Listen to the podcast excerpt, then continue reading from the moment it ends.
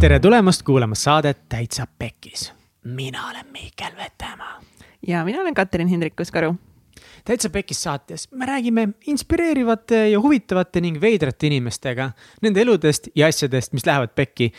kuidas asjad pekki lähevad ja kuidas siis peki seest rõõmsalt välja tulla. tänases saates on meil külas maagiline, imeline Dali. Dali, Keter Oh. Karat. Ma taaskord pean oma põski raputama suure hooga ning pea tõmbama pingesse, sellepärast et Daliga saade oli pöörane, aga kes on Dali? Dali on, ta on kirjutaja, ta on koolitaja, ta on ka tuntud kirju-, kui ki, kunagiselt tuntud kui kirjutaja Keter ning tänasel päeval ta on ka õnnekoolitaja sest ta on tõesti pööraseid asju elus läbi teinud ning pidanud selle käigus iseennast väga palju leidma.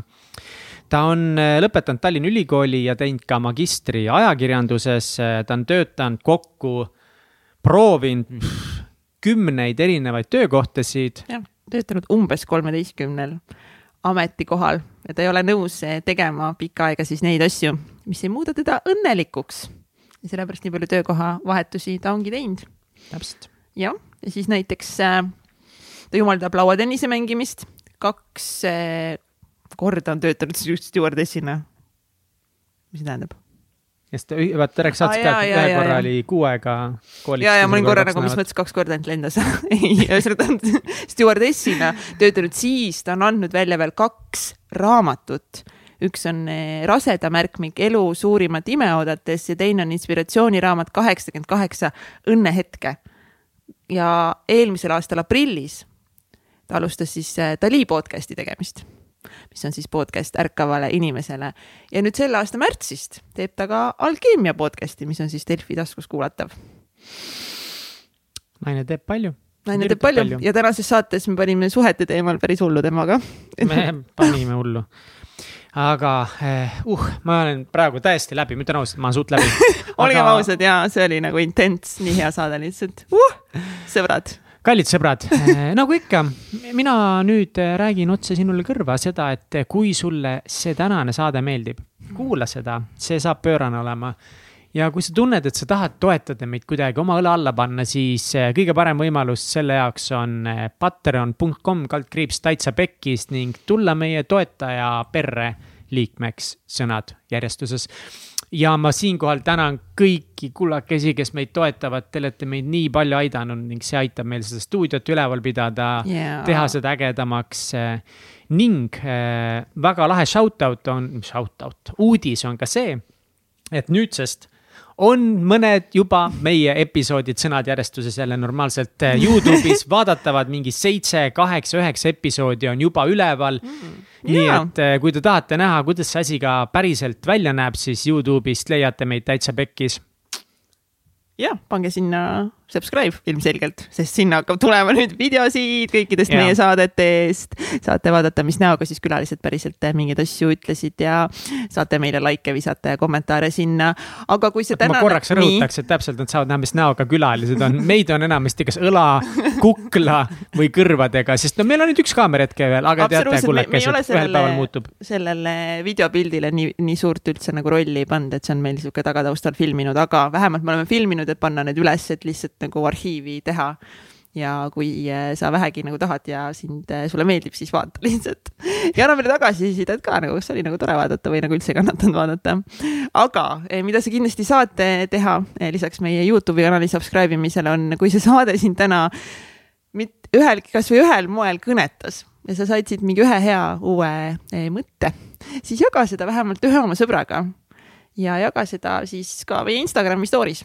noh, et ära ole kade, vaid jaga, jaga, jaga teistega seda armastust, nii tore on näha teie story sid, kui te neid eh, share ite, kui te käite jalutamas või kus iganes mujal te neid kuulate, nii et väga, väga tore on neid näha ja pange ikka meile, saatke meile emoji sid ja kõike nagu.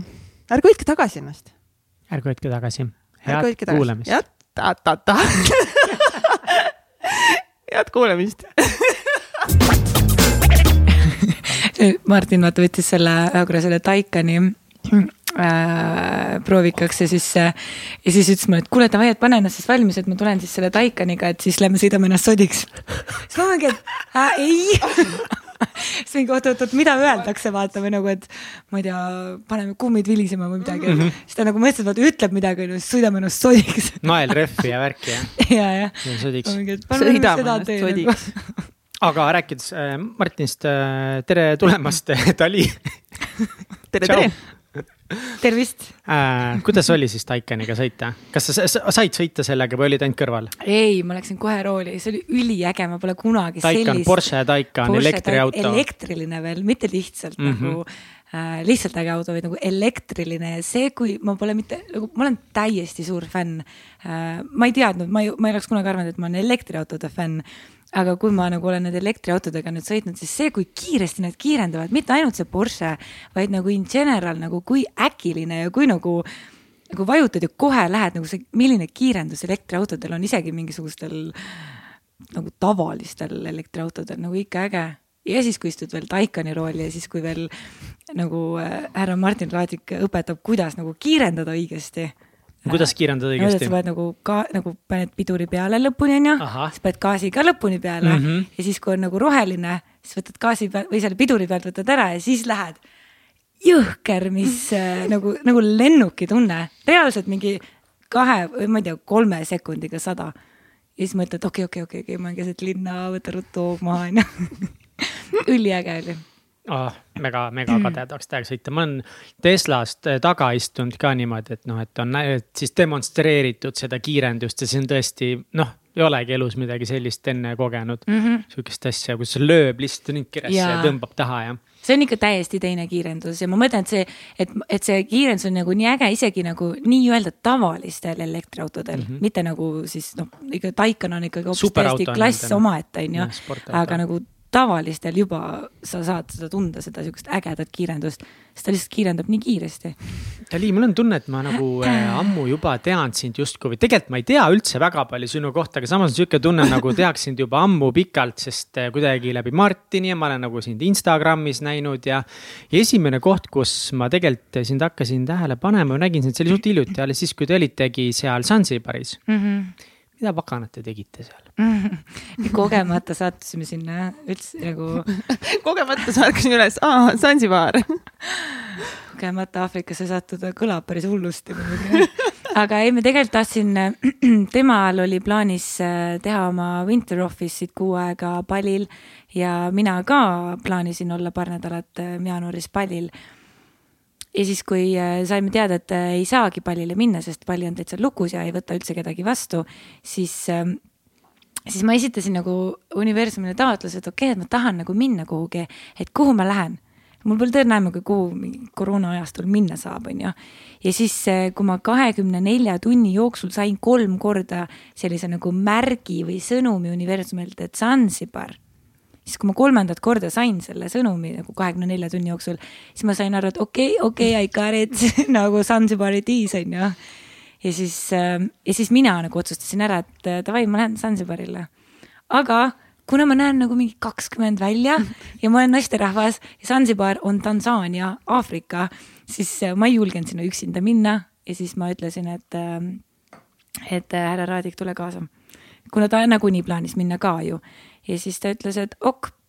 ja siis äh, pühapäeval me rääkisime, kolmapäeval ostsime piletid ja laupäeval kell kuus hommikul lendasime välja nice.. nii et sihuke suht eksprompt, suht, suhteliselt kogemata mulle ikkagi tundub, me sinna Zanzibarile sattusime.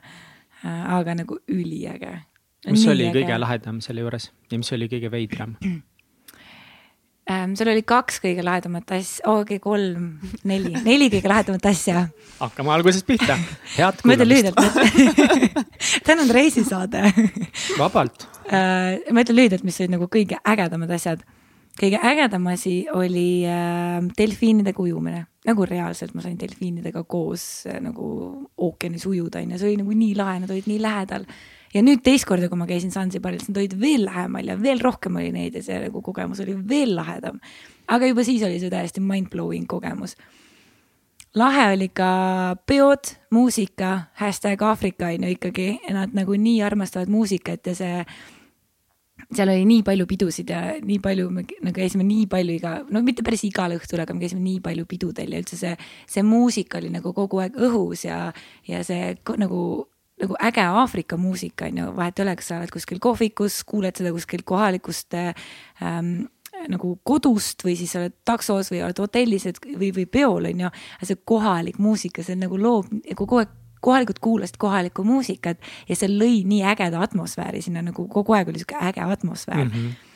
Um, lahe oli ka see, et äh, kohalikud on nii rõõmsameelsed ja nii nagu sõbralikud ja heatahtlikud, et, äh, et ei ole nagu seda, et, et, et valgest inimesest nagu taheti kogu aeg midagi, vaid see mentaliteet oli um, nii kuidagi nagu puhas, et ükskõik kuhu me läksime, kogu aeg inimesed ütlesid karibu, karibu, mis on siis welcome, tere tulemast.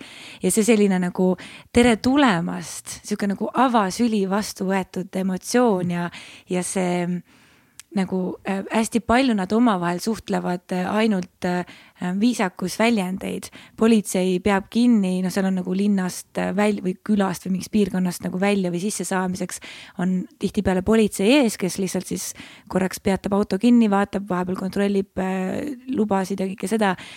ja tihtipeale ta lihtsalt pidaski meid kinni lihtsalt selleks, et vahetada viisakusväljendeid. lihtsalt neil on mingi kümme erinevat moodust, kuidas küsida, kuidas sul läheb ja kakskümmend erinevat moodust, kuidas öelda, et mul läheb täiega nagu hästi. ja lihtsalt nad nagu äh, omavahel tänava peal jalutades, nad lihtsalt nagu hõikavad üksteisele äh, positiivseid lauseid, positiivseid väljendeid, äh, soovivad üksteisele head. noh, kõik see, et see nagu, see sihuke positiivne õhustik kooskõlas veel selle muusikaga oli, oli nagu nii lahe ja no muidugi äh, neljandana, mis oli, tegi selle reisi nagu üüberägedaks, oli muidugi äh, reisikaaslane äh,, mis oli väga tore. Shout out äh, to Martin Raadik, kes ei ole veel kuulanud Martin Raadiku saadet, siis, äh, siis tehke seda, meil oli vist järjepidevuse meistriklass selle isegi saate nimi, nii et. kas ta ei olnud mingi sihikindluse etalon või? minu meelest oli see järjepidevuse meistriklass. ma lambist mõtlesin praegu uue pealkirja välja see võib ka olla see pealkiri, aga oli, oli see, mis seda liiga ütles, et mm, minge kuulake seda saadet ka kindlasti. väga lahe, aga mis pekki läks, kas läks midagi pekki ka? ah, minul ei läinud midagi pekki, Martinil see vastu tema, vaata, see on niimoodi, taotlustel on hästi suur jõud, on ju. ja enne kui me reisile läksime, me tegime nagu taotlused, mida me taotleme sealt reisilt. ja Martin ta-, ma muidugi ei tea, kas ma tohin seda rääkida, aga no. tohid küll, Martin lubab. jah, e, et taotlustel on hästi suur jõud, on ju, et tema taotles seda, et ta soovib nagu erinevaid kogemusi, mida siis e, ta ähm, tagantjärgi siis saab nagu vaadata, et teda nagu kasvatasid või talle nagu kuidagi teda paremaks tegid. kõlab juba hästi. erinevaid kogemusi, mis mind kasvataksid. ja nagu jõhker, tal oli ka nagu igasuguseid, ta näiteks, oota mu äh,, kui me jõudsime kohale, siis järgmisel nagu äh, igal juhul põhimõtteliselt oli niimoodi, me jõudsime kohale, siis äh, tema pagas oli kadunud ja siis mõtlesime, et okei okay,, reisi põhimõtteliselt esimene päev, äh, pagas kadunud, noh nagu, et okei okay,, kui peab sihuke kogemus olema, siis on sihuke kogemus. lõpp ja kõik ja me avastasime, et seal on üks pagas äh, alles, mis näeb hästi Martini pagasi sarnane välja. ja õnneks oli sellel pagasil mingi kontaktnumber kuskil seal kirjas ja siis me lasime vaata mingil kohalikul helistada sellele numbrile ja siis ongi kakskümmend minutit hiljem olid pagasid vahetatud ja tal oli see kohver olemas wow aga nagu see, see mingi pool tunnikest, kui me nagu face isime selle reaalsusega, et okei okay,, nagu kind of esimene päev ja pagas on kadunud, on ju. Et siis nagu, et igal juhul ta sai kogemuse, on ju. ta sai kogemuse. ta sai kogemuse. aga ja... ma isegi nägin vist mingit story'st, et kas te ajasite seda pagast mööda linna kuskil taga ka mingite äh, rolleritega sõitsite? no me ikka võtsime eraldi äh, takso ja me pidime sõitma muidu sellest äh, nagu sadamast siis oma hotelli, aga siis me panime hoopis teisele poole ajama, et mingi kuradi gängsterid kuskilt kohvikust üles leida, kes nagu ei suvatsenud ise mitte midagi teha, vaid nagu lasi oma Nad kohvi tuua. ja tal oli, tal tundus olevat täitsa suva nagu sellest. Martini kohver tõenäoliselt on parem äkki võib-olla küll jah. aga mis on veel parem lugu, mida ta sai seal kogeda, mis oli jälle nii lahe õppetund, oli see, et mm, seal on siis niimoodi, et sa võid nagu, turistid võivad äh, rollerite, autode ja asjadega sõita, aga lisaks juhiloale peab seal olema tehtud ka siis Zanzibari sihuke nagu permit või sihuke nagu luba, et sa võid seal sõita, onju Ähm, ja siis, kuna mina nagu orgunnisin, tema tegi oma tööd seal arvutis, on ju. ja siis mina olin seal vabal ajal, hängisin niisama ja siis mina orgunnisin meile rolleri. ja siis äh, ma ei tea, seal nad ei oska ju väga palju seda inglise keelt ja igal juhul tuli, lõppkokkuvõttes oli nii, et ainult mina sain selle ähm,, selle loa sõita selle rolleriga aga no härra Raadik on ju äh, gängster, on ju, ja siis tema läks ikkagi ise sellega sõitma, selle rolleriga. ja siis äh, ühe korra peeti siis äh, teda kinni ja siis ta mingi ütles, igal juhul ta sai, ta sai, esimese korra ta sai ära politsei käest, niimoodi, et ei tehtud trahvi. teine kord samal päeval, kaks tundi hiljem, peeti teda uuesti kinni. ja siis, ja siis ta äh, hakkas seal nagu äh, kuidagi äh,, nad tahtsid, nad tahtsid siis seda äh, altkäemaksu. no nagu ikka seal mm. sellistes kohtades aga Martinil ei olnud anda seda altkäemaksu, sest ta oli just rolleriga linna sõitmas, et raha nagu ATM-st välja võtta. ehk siis ta justkui oli suluseisus, vaata, et nad, ta oleks saanud nagu mingi anda neile natuke kohalikku, oleks ära saanud, aga tal ei olnud anda ja nad ei uskunud, et ta tahtis minna selle raha järgi just, on ju. ja siis igal juhul see asi kulmineerus eh, tal siis niimoodi, et kui mina tulin oma, ma vist tulingi mingi snorgeldamise tuurilt, on ju helistan, et jõu, kus oled, on ju, kell mingi seitse õhtul juba, et nagu kus oled, vaata. et kõik korras või? siis ta mingi, kõik on korras, ma olen terve, roller on terve, aga ma olen hetkel politseijaoskonnas roller on konfiskeeritud äh,, homme hommikul kell kaheksa on mul kohtuistung ja mul on seitsesada tuhat kohalikku trahv. siis ma mingi, et hmm. no tore, et sa ise terve oled palju seitsesada tuhat kohalikku on? tegelikult ei ole väga palju, mingisugune mingi kakssada, kakssada viiskümmend eurot või midagi. aa, ikka päris no, ikka, palju. noh, jah, aga nagu, nagu hallatav selles mõttes, et nagu mm. mitte pankrotist ja, ja, nagu pankrotti viiv, on ju, aga nagu hallatav, aga no, aga ikkagi, on ju. ja siis nagu mingi, et okei okay., aga tal, tal õnnestus need oma läbielamised teha niimoodi, et justkui nagu me saime mingisuguse fiasko läbi käidud, aga tal alati kõik asjad, mis tal toimusid, kõik oli nagu lõpp ja kõik ja no talle meeldivad need õnneliku lõpuga lood, on ju.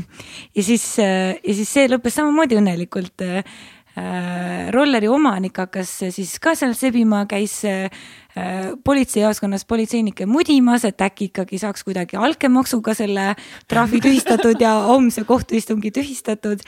ja, ja siis ähm, ja siis see, see lõppeski niimoodi, et meile saadeti sõnum, et okei okay,, poole tunni pärast on politsei tuleb hotelli meie peame ütlema, et me lahkume täna öösel lennukiga, et me ei saa tulla homme hommikul äh, sinna kohtuistungile, et me lahkume täna öösel.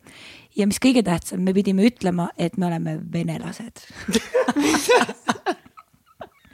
pidime ütlema nagu, et me oleme venelased, et me oleme nagu from Russia, sest et nad mingid väidetavalt mingi kardavad venelasi ja siis me pidime nagu nii muuseas nagu mingi, no mina muidugi panin endale mingisuguse kleidikese selga, mingi vaata Riino ei pannud, panin mingi väikse kleidikese onju. no sest, et läksin, läksin juuksed, hoidsin juuksed lahti ja mingi püüdsin seal hästi mingi oma sellise, panna kõik naiselikud võlud äh, mängu, et, et see politseinik siis nagu pehmeneks onju.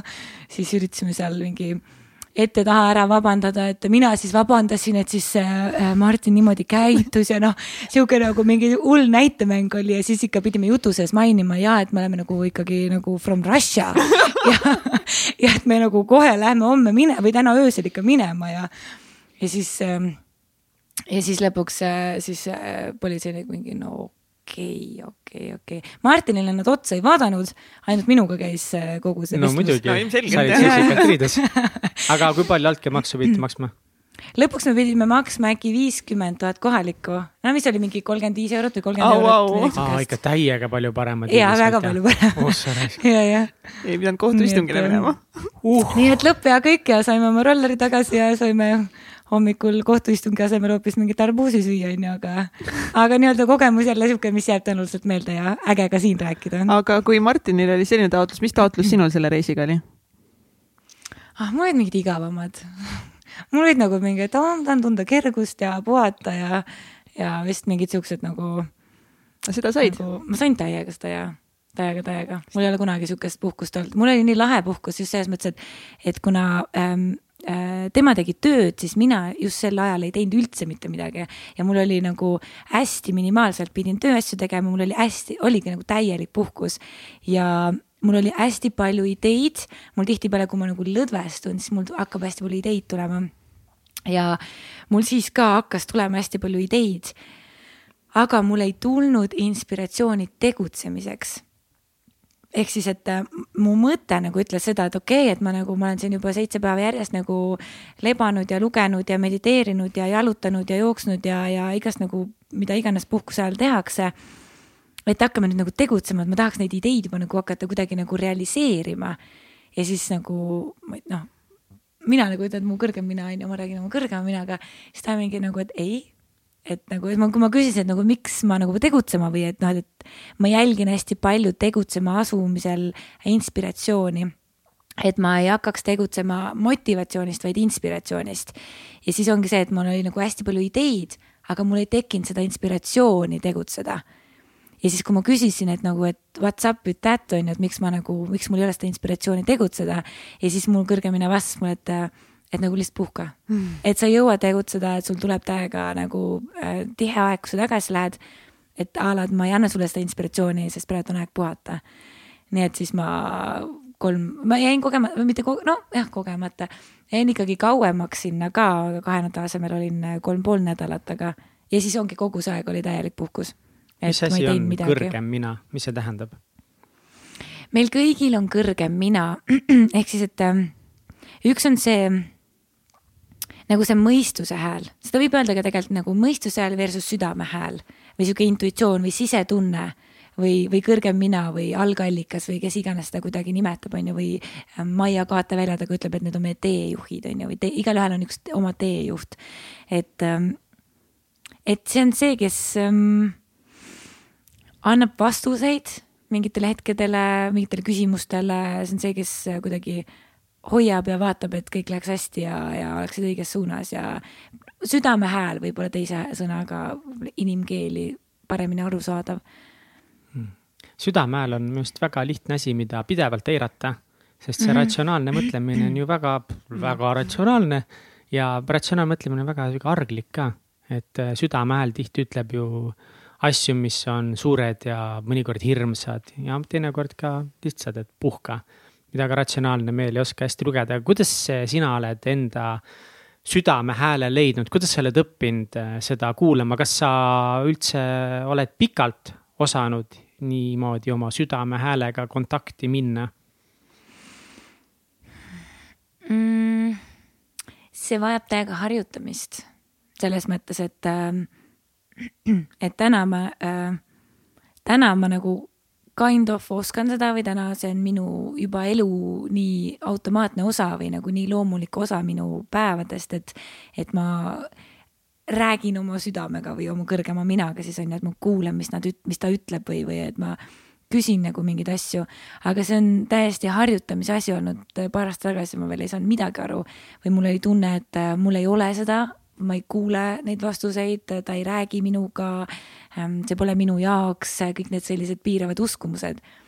aga kui ma sain aru, et, et okei okay,, et asi on nagu ainult harjutamises, et, et, et kui by default on see, et meil kõigil on see südame hääl või see kõrgem mina, siis järelikult on mul ka.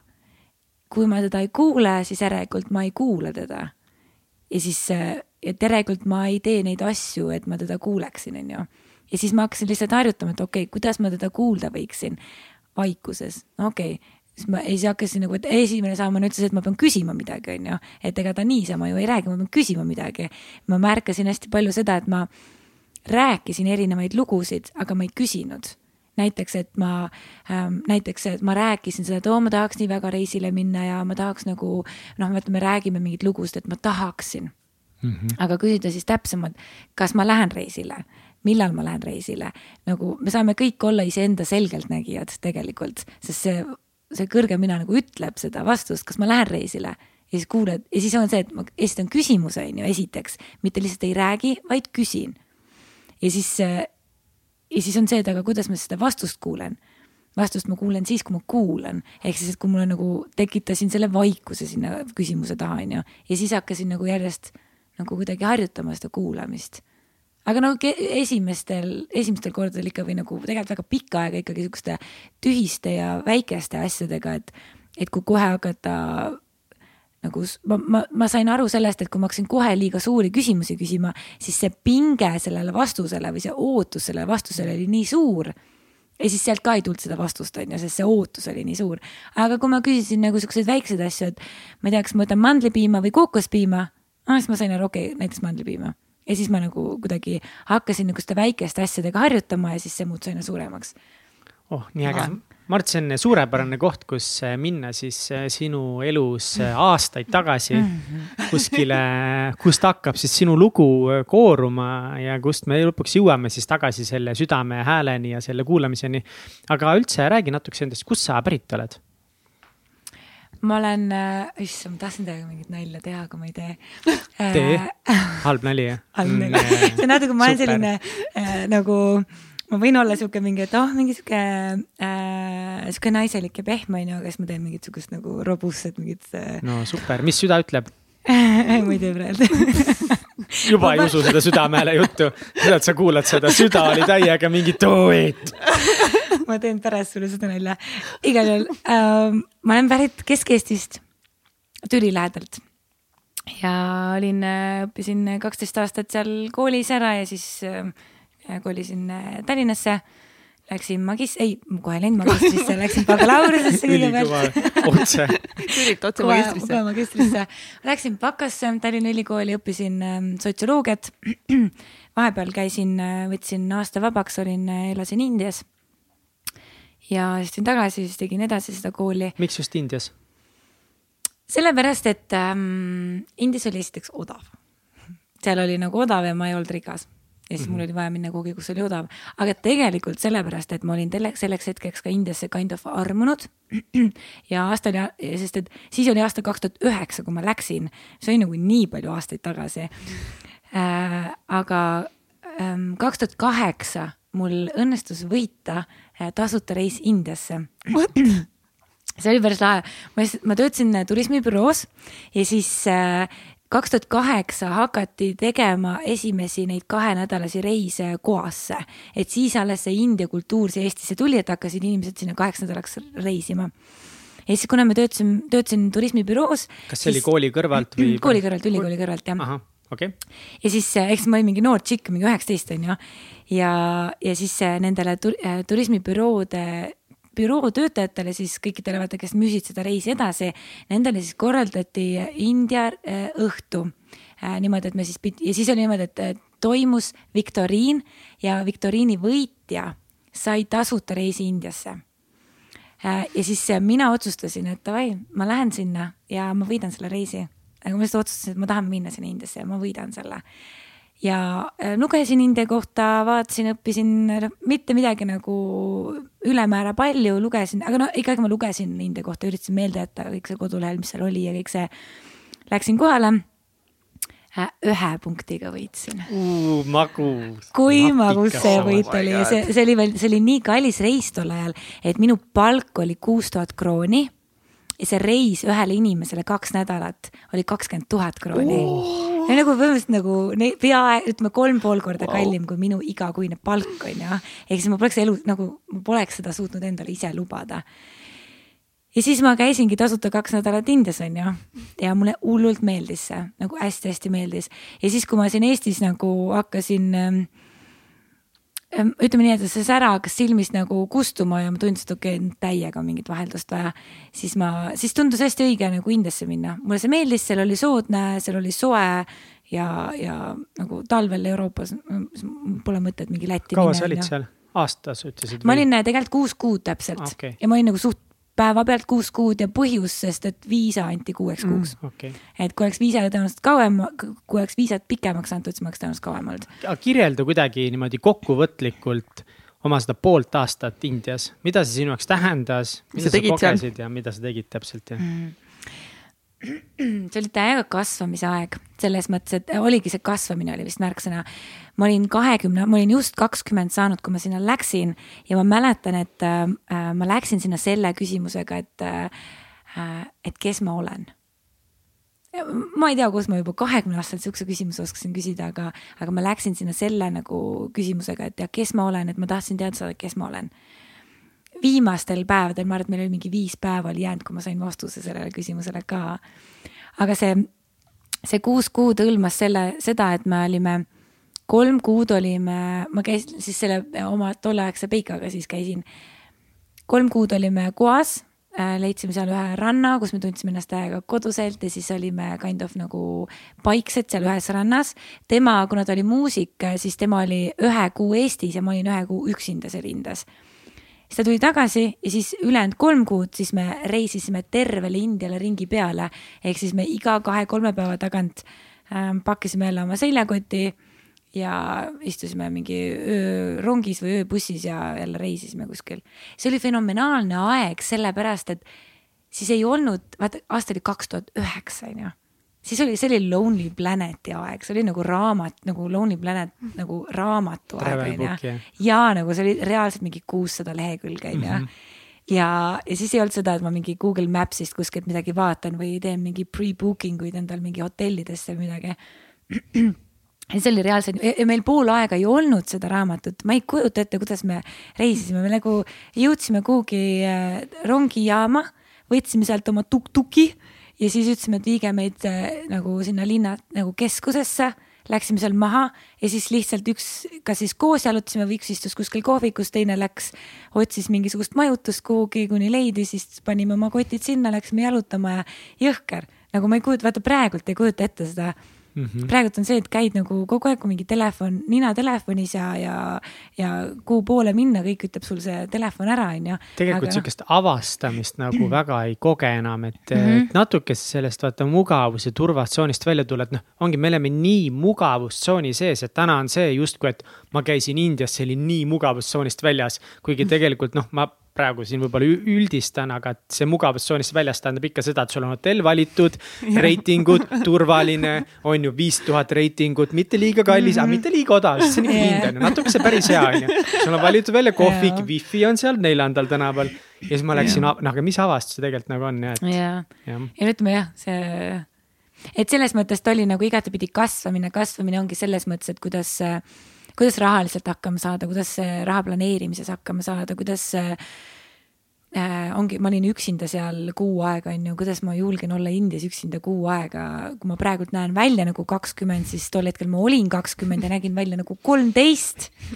elagu äh, ilusad geenid, on ju, või nagu elagu nooruslik vanaema, et, äh, et, et kuidas siis nagu turvalisena ennast tunda, on ju mhm. ähm, ja ongi kõik see nagu kogu see kasvamine täiega. aga sa siis vist väga kasvamine. ei, ei põdenud selle turvalisuse sellepärast on ju, sul oli nagu. ma olin üksinda seal, siis mul oli nuga kogu aeg kotis aga kas sa päriselt nagu kartsid, kas sa tundsid ennast nagu ohustatuna, ma saan aru nuga kotis, no selles mõttes, et ikka tasub kaitsta mm -hmm. ennast, aga kas sa nagu tundsid hirmu, et sa nagu seal liiklemise üldse nagu, et sa oledki Indias ja tänu sellele, et me olime selleks hetkeks, kui ma üksinda sinna jäin, siis äh, kuna ma olin selles äh, rannas üksinda, kus me olime olnud juba ikka poolteist kuud tolleks hetkeks, siis seal, ma ei ette, äh, siis selles, seal selleks hetkeks, kui ma jäin üksinda sinna, siis seal rannas olid juba nagu vaata teatud restoranides teatud nagu siuksed spotid olid meil maas, kus meil olid juba tuttavad tekkinud ja seal on kõik nagu nii-öelda mhm. mehed, on ju, et seal naised kuskil äh,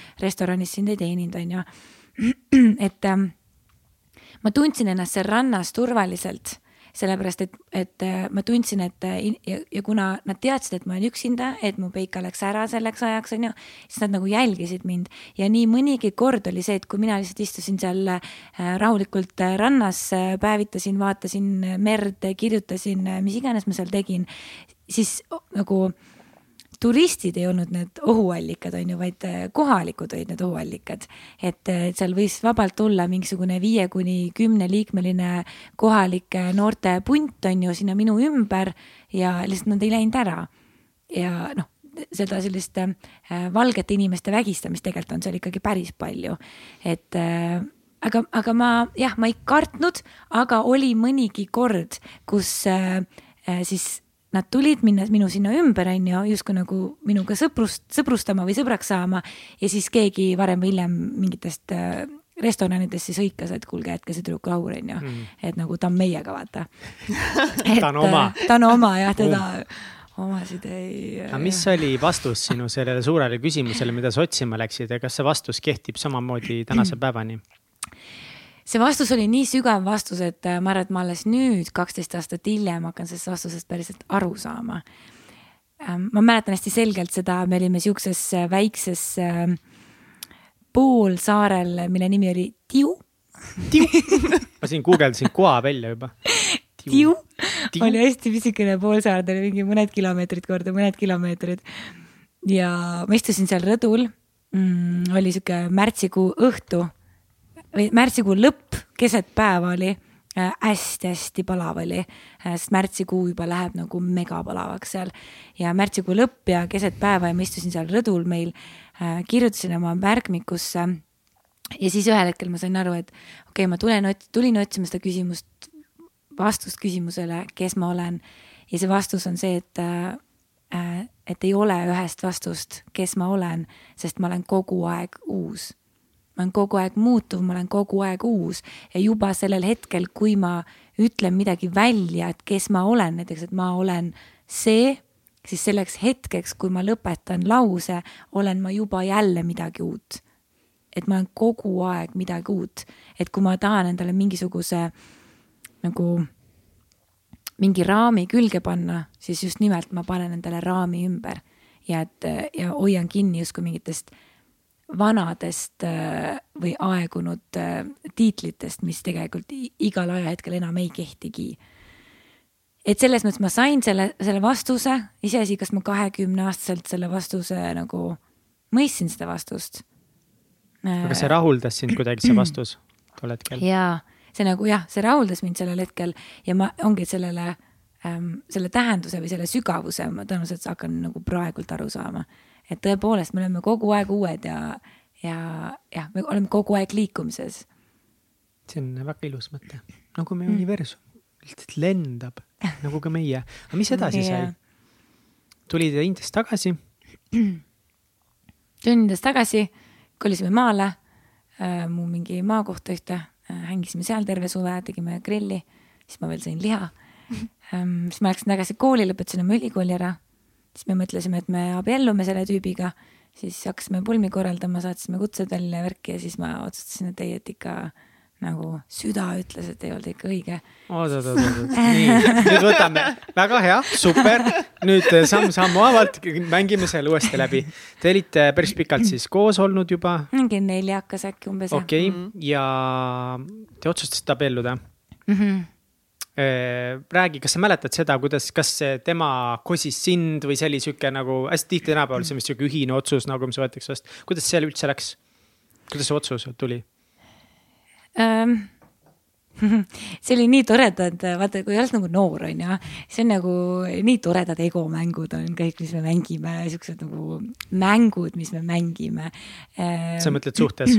suhtes ja tegelikult igal pool iseendaga ka mängime nii toredaid mänge, mida eriti tagantjärgi on nagu nii nunnu vaadata. et nagu, et ah küll ma olin armas, et ma siukest bitch'i mängisin aga mm, ja nii-öelda ma tegelikult võin öelda, et tema kosis mind aga samal ajal tegelikult oli see ka nagu mõlemapoolne otsus, et me olime enne, kui ta kosis, me olime tegelikult jõudnud sellest rääkida ja me olime tegelikult nagu.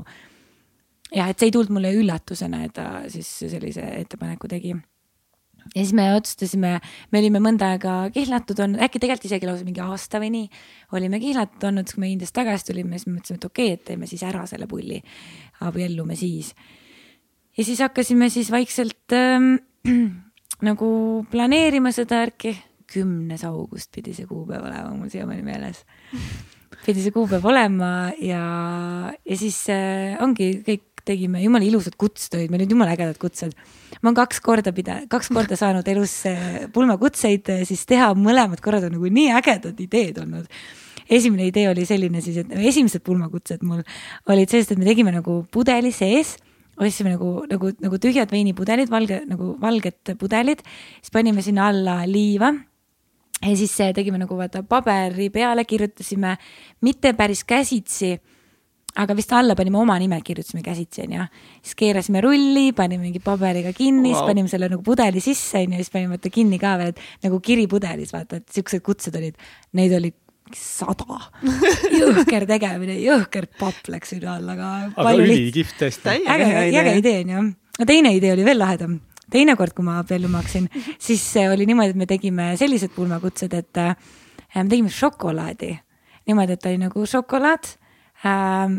panime sinna oma nagu paberi ümber niimoodi, et šokolaadi peal oli siis pulmakutse.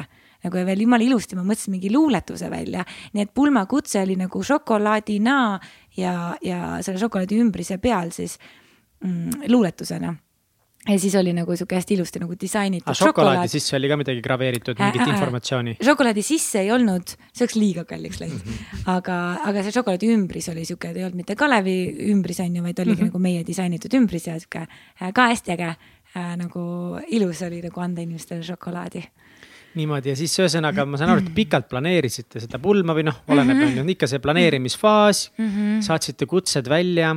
ja sada inimest pidi tulema ja siis äh,, äh, ja siis ma tundsin nagu seda, et nagu midagi kripeldab. nagu see peaks olema täiega sihuke nagu äh, õnn, õnnis aeg nagu hakkad, sa Kats kindlasti tead, sa oled ju abielus on ju. kümnes august. on või? tegelikult. ma mõtlesin, et kümnes august oli mingi kuupäev, hullult hittis ära, aga mul ei tulnud meelde, mis see oli.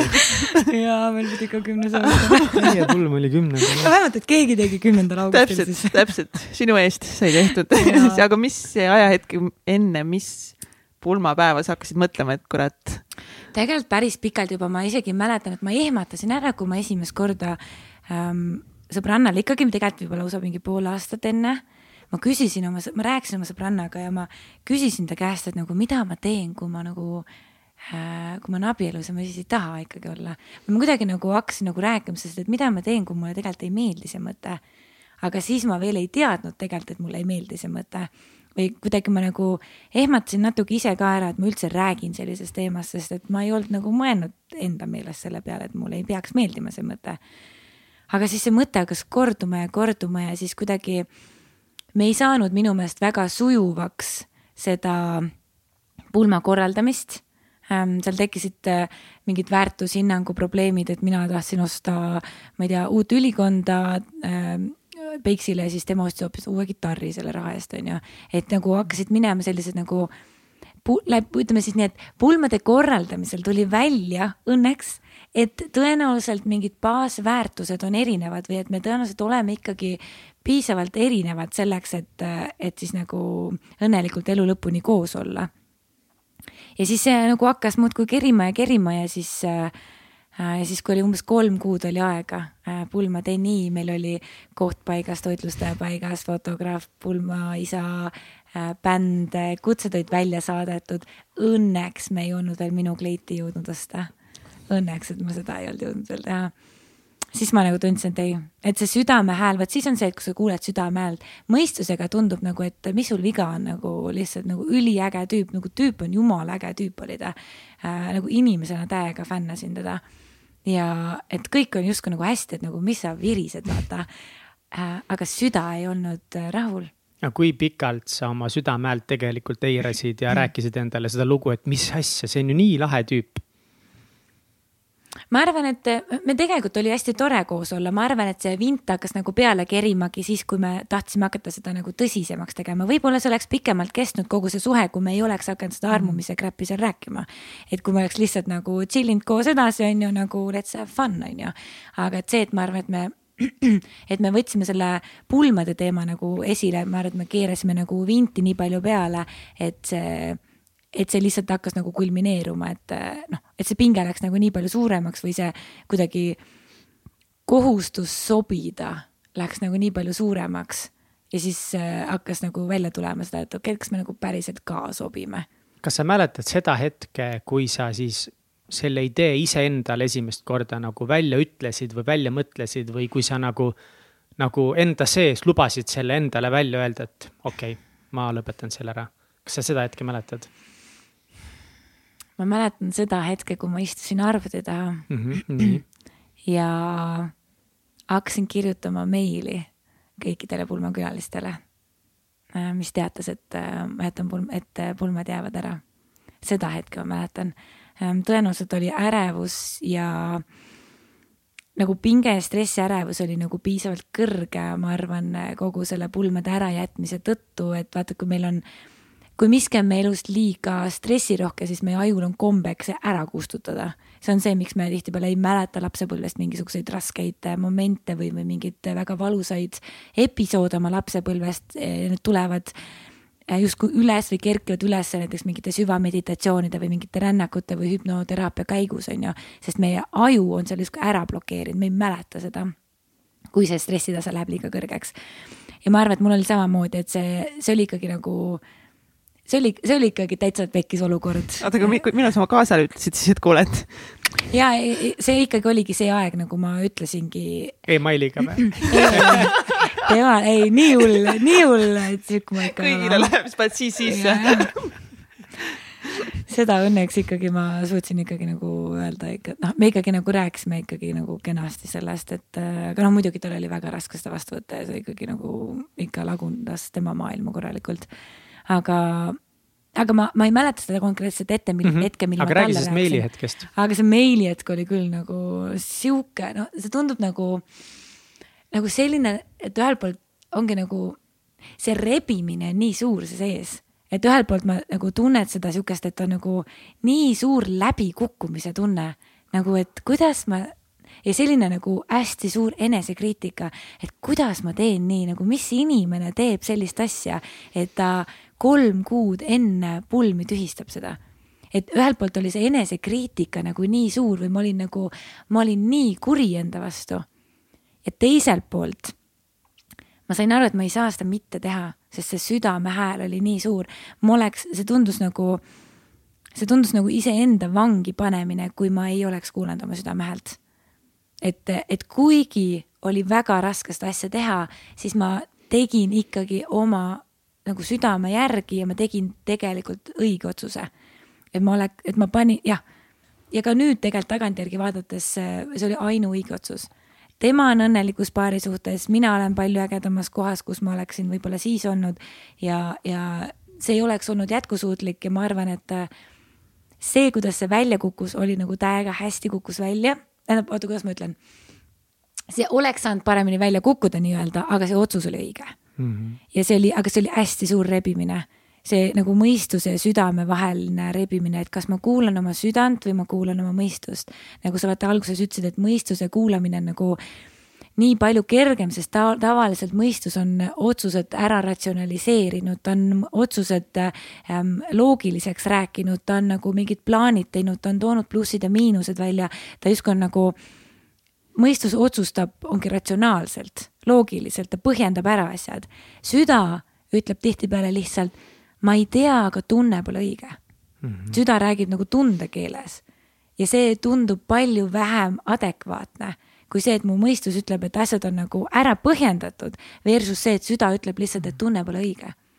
mis siis eh, sõbrad ja, ja pere arvas ja kuidas neile see uudis siis eh, tuli ah,? Nendest on ka kahju, kõik olid nagu räiges šokis kõik olid nagu täiega suures šokis mm., sest see kõik tegelikult toimus hästi ruttu.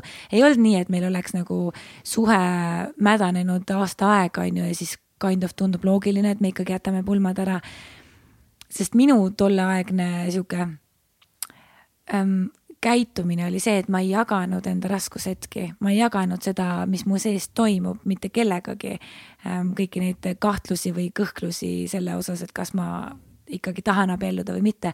ma ei jaganud seda mitte kellegagi ja väljapoole me kandsime, kui meile tuli keegi külla või me olime kuskil seltskonnas, siis me ähm,, me olime ikkagi väga ilusad äh, ja eeskujulikud maskide kandjad äh,. Mitte siis nende maskide, mis me praegu peame kandma, vaid nagu selliste egomängude maskide, nii et me täiega nagu mängisime seda, et kõik on hästi ja kõik on tore ja me hakkame abielluma, jee. et keegi nagu ei teadnud seda ja seda suurem oli see šokk neile, kui järsku ma teadsin, et, et me mitte lihtsalt ei jäta pulmad ära, vaid me läheme ka lahku. et see oli nagu ikka täiega šokk. ja ma mäletan, kuidas mul vanemad ütlesid, et okei okay,, et äh, tule koju ja räägi, mis toimub. Ja mulle, ma pidin niimoodi, et kind of, äh, ma ei tea, laupäeva hommikul pidin Türile sõitma, et oma vanematele siis nii-öelda aru anda, mis, mis, mida ma siis nüüd korraldan uh. ja seda mul läks reede õhtul Äh, hakkas hääl ära minema niimoodi, et mul oli laupäevaks, äh, kui ma Türile jõudsin, mul oli hääl täiesti ära, nagu nii ära, kui üks hääl saab olla. see kärin, mis mul praegult on, see on mu loomulik hääl. kui mul on hääl ära, siis ma, siis ma kõlan nagu ikkagi nagu siis ma kõlan, nagu ma oleks seitse nädalat järjest joonud, on ju. praegult on lihtsalt sihuke mõnus. et siis ma nagu, mul oli nagu täiesti oli hääl ära nagu. kuidas sa piiksu. täna tagasi vaadates seletaksid seda kehareaktsiooni? ma ei tahtnud rääkida. okei, okei, üks oli see, et ma ei tahtnud kui ma ütlen, et ma ei tahtnud rääkida, siis ole, ähm, siis see eeldab, et mul justkui oli midagi rääkida. õige vastus, ma täiega ignoreerisin kõiki oma sõbrannasid äh, ja perekonda ja kõiki, sest et kui ma sain nendega kokku, siis kõigil oli mustmiljon küsimust, aga mul ei olnud mitte ühtegi vastust peale selle, et mu tunne ei ole õige. aga kõik, vaata, see ei olnud, see ei ole mõistusele piisav, nagu mis mõttes su tunne ei ole õige, on ju, et nagu tegemist on jumala ägeda tüübiga nagu, nagu ma ei kõik tea. kõik on planeeritud. jaa, kõik on planeeritud nagu tee oma tunne õigeks aga nagu mul ei olnud vastuseid, mul endal olid ju täpselt samad küsimused ja mul ei olnud ka endale vastuseid ja see oli nagu, ma arvan, et äh, nagu see pulmade ärajätmisest äh, paar kuud pärast seda ja võib-olla sihuke kuu-kaks enne seda ikkagi üks madalamaid perioode mu elus ähm,. just selles mõttes, et see, see pinge mu sees oli nii suur, mul oli endal, endal oli nii palju küsimusi ja mul ei olnud vastuseid ja siis mu ümbritsevatel oli nii palju küsimusi ja mul ei olnud ka neile vastuseid ja kuna ma ei taht- nagu ma tundsin pinget ja survet, et ma pean neile midagi vastama. aga mul ei olnud vastuseid ja siis ma hakkasin neid ignoreerima, ehk siis ma jätsin, jätsin, ma jätsin ennast veel rohkem üksi. ja siis see nagu, see kulmineerus ikkagi sellega, et ma, et ma lihtsalt äh,, lihtsalt, ma ostsin endale emotsiooni ajal võrkkiige nagu oma jalgade peal seisva võrkkiige. ma elasin tol hetkel Kalamaja mingis väikses kolmekümne ruuduses korteris ja siis äh, seal oli katuseaken ja siis ma lihtsalt nagu päevade kaupa äh,. ma olin siukses masenduses, et ma lihtsalt päevade kaupa äh, kuulasin muusikat, olin seal võrkkiiges seal köögis äh, selle katuseakna all ja lihtsalt vaatasin äh, taevast äh, kevadine aeg oli, aa ja see väike asi ka, et ma lõpetasin oma bakad siis ehk siis ma nagu kogu selle nagu stressi keskel pidin veel bakalaureuse tööd kirjutama, onju wow.. ja siis ma olin ka megastressis ja ma nagu täiega cut off isin ennast igast äh, suhtlemisest. ja, ja sest, jah. mis nõu sa, kui sa praegu saaksid äh, sellele tüdrukule, palav on või? võta riided seljast ära. riided seljast ära, joo, joo vett ma muidugi. ei, vett ei ole vaja juua, võta lihtsalt riided sellest ära. sooja vett, nii et tõenäoliselt, ma ei tea, võib-olla see vesi on veel ka soe, mis aitab kaasa sellele. ma võin sulle öelda, et, vabandust, segasin vahele sulle. ei, ma ei tea. ta on harjunud tõenäoliselt sellega. on küll, jah väga hästi öeldud. ma tahtsin seda öelda, et äh, see käevõrude äravõtmine väga palju temperatuuri ilmselt ei aita, et ma ikkagi julgustaks seda. see on nii äh, ümber dressikas, et, äh, et ma ei saa muud moodi ära seda nüüd rääkige teie, siis ma lükkan selle mikrofoni kaugemale. Kats, tahad äh, meid vürtsitada mingite huvitavate pulmalugudega? ei, ma lihtsalt mõtlen, ma olen vahepeal nagu. oota korraks, ma tahaks tegelikult hoopis kuulda sind, kas sõnul ei olnud Kats nagu enne pulmi mingit kõhklu, muidugi Egert on siin samas aga tegelikult on see inimlik yeah. või see on nagu loomulik, et nagu, nagu sa pead, nagu see on nii suur samm, et nagu see on ju loomulik, et sa nagu nagu aga minu jaoks ei olnud see nagu... suur samm või nagu meie jaoks oli see kuidagi nii loogiline samm, mida teha, et seal ei olnudki nagu väga teist varianti. ja nagu meie see kuidagi kokkulepe ka, et, et see on okei okay,, kui me lähme kunagi lahku, kui me lahku kasvame.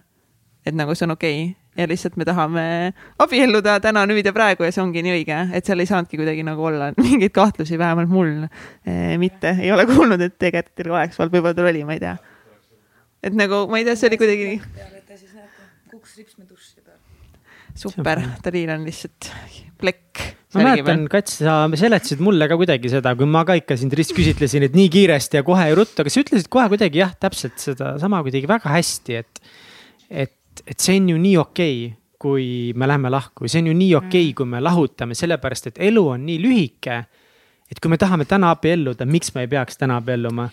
ja, ja see on täiega see nagu, et vaata, et, et miks me ei peaks või et on mingid nagu nagu need äh, arusaamad, et alas, et on nagu okei okay olla teatud aja koos enne, kui abiellud või et äh, ei ole okei okay, äh, kohe last saada näiteks või kohe kokku kolida või mis iganes, on ju, et ma tean, et mul sõbrad äh, Liina ja Mihkel äh, Raud, nemad ju said äh, Nad said kokku ja nad väga ruttu tegid esimese lapse ja enamus tõenäoliselt arvavad, et oh-oh, kogemata, aga ei. Nad teadsid, et nad tahavad koos last saada ja see on ainult ühiskondlik surve, et me peame teatud aja koos olema, enne kui on okei okay last saada Nad mingi, et ei, nad olid mingi paar kuud koos olnud, kui Liina juba rasedaks jäi, onju. Mhm. ja nagu mitte by default, nagu mitte nagu by mistake, onju, vaid nagu nad planeerisidki niimoodi.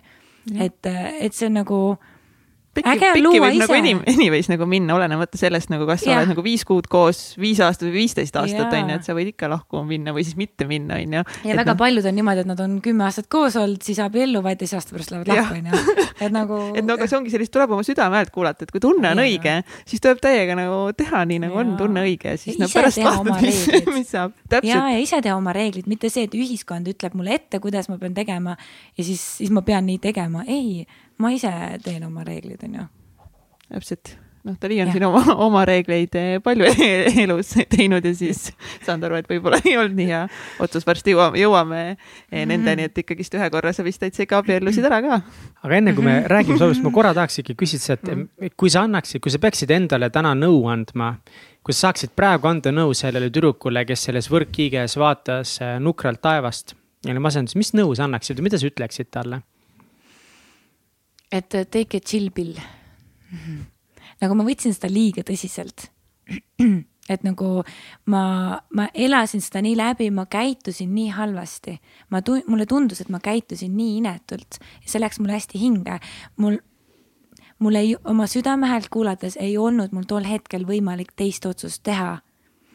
aga samal ajal ma ei oleks pidanud enda vastu nii karm olema. jah, see ei ole üldse see, kuidas ma nagu ma ei ole üldse uhke selle üle, et ma kolm kuud enne pulmi tühistasin need pulmad.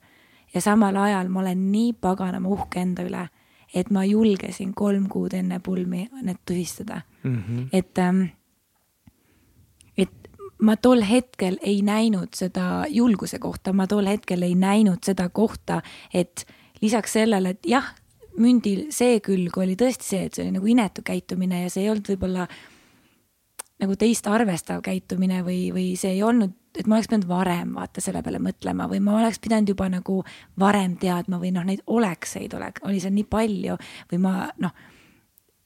et seal igal juhul oli nagu väga palju neid asju, mille eest ma endale vastu pead andsin aga ma jäin sinna lukku, ma jäin mm -hmm. nagu sellesse mündi poolde kinni. ma isegi ei ole kindel, et see nagu on väga suur mündi pool, et nagu see on justkui nagu ikkagi sihuke ilus või viisakas asi, mida teiste osas öelda, et oh jaa, et. see oli ikka, noh, see oli inetu minust, aga ma pidin tegema, et isegi praegu vaata natuke see. sa nagu noh, nagu vabandad välja või põhjendad, et sa nagu tunned mm, -hmm. et sa pead põhjendama seda. ja mis on nagu huvitav, et noh, ma ei, ma ei ole kunagi abiellunud, ma ei ole kunagi kihlunud, ma ei tea, kuidas need mängureeglid käivad ja ma ei tea, mis on inetu, mitte, aga praegu kuulates sind ma nagu mõtlen, et aga mis kuradi pära-, mis, mis selles inetut oli. sa olid aus iseenda mm. ja sa olid väga aus selle partneri osas, sa olid kõikide yeah. osas lihtsalt aus.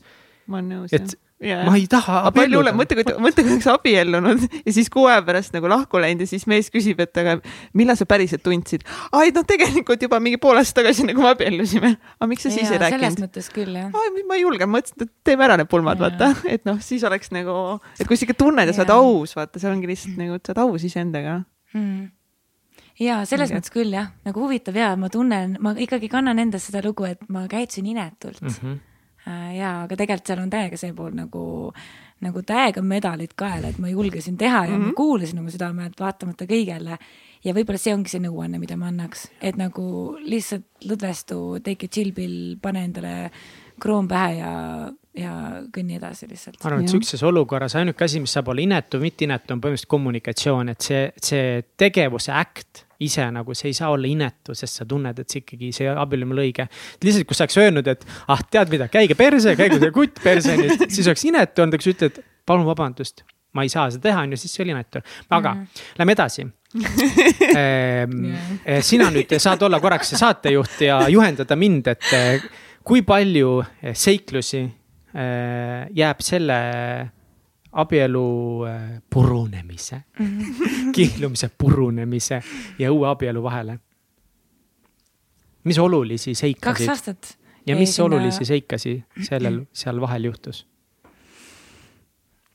ähm,? tegelikult see kaks aastat ja selles hetkes, kui ma seal Võrkkiiges olin, on ju, siis kaks aastat hiljem äh, olin ma, kaks aastat hiljem samal ajal olin ma tegelikult abielunaine ähm,. sinna vahele jäi ähm,, sinna vahele jäi ähm, töötamine stjuardessina Estonian Airis. sinna vahele jäi omaenda ettevõtte koondamisteate saamine ja, ja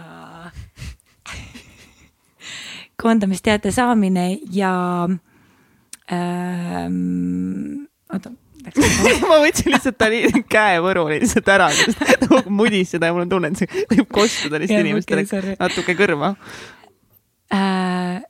Sinna vahele jäi siis ja äh, Estonian Airis äh, stjuardessina töötamine, jõulukingituseks koondamisteates saamine, siis oma firma tegemine ja siis äh,, siis siis äh, Estonia Airis ma tegelikult tutvusin siis oma siis selle uue mehega, kellega me siis abiellusime ja siis ongi siis me, siis me abiellusime, temaga ma nagu abiellusin, temaga tegelikult mul ei olnud seda kõhklust, et kas ma peaks abielluma, siis oli nagu täiega äh, nagu jah, see tunne.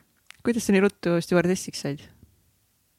kas nagu stjuardessiks mingi ei õpita kuskil mingi ei, tohutult mm -mm. kaua? kui ma tol ajal olin stjuardess, siis see oli kuu aega oli väljaõpe nagu kuu aega täiskohaga töö põhimõtteliselt hommikust, viis päeva nädalas, hommikust õhtuni oli väljaõpe.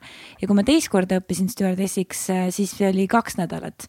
aga noh, siis muidugi olid ka mingid viieteisttunnised päevad nagu, et siis oli nagu mega intensiivne. aga miks sind sealt äh, jõulukingituseks äh, minema saadeti?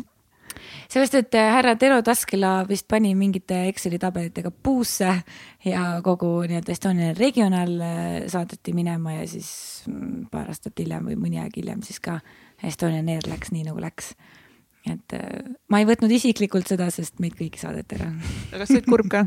ma olin täiega kurb, seepärast et selleks hetkeks ma olin äh,, ma olin täiega kurb ja seepärast, et selleks hetkeks ma olin olnud Tallinnas, äh, siis Türi tüdrukuna olin ju Tallinnas umbes viis-kuus aastat ja selle aja jooksul ma olin nagu hästi palju otsinud seda, et mida ma teha võiks või seda, mis tööd ma teha tahan. ja ma olin äh, umbes ja viie aasta jooksul ma olin seal kuskil kümme, kaksteist erinevat töökohta läbi proovinud. Helmeses kusjuures käisin ka töövestlusel äh,. mingisugune kontoriassistent või keegi ja sealt nad ütlesid mulle, et ma olen äh, liiga hea selle töö jaoks. ma ei saanud, sest nad arvasid, et ma olen liiga hea, et mul hakkab igav kohe. siis ma mingi, et no thanks nagu sihuke vabandus. aga neil oli õigus tõenäoliselt ehk siis, et ma olin nagu hästi palju otsinud seda, mida ma siin elus teha tahan, mis tööd ma teha tahan, ma olin hästi palju erinevaid ametikohti proovinud äh,.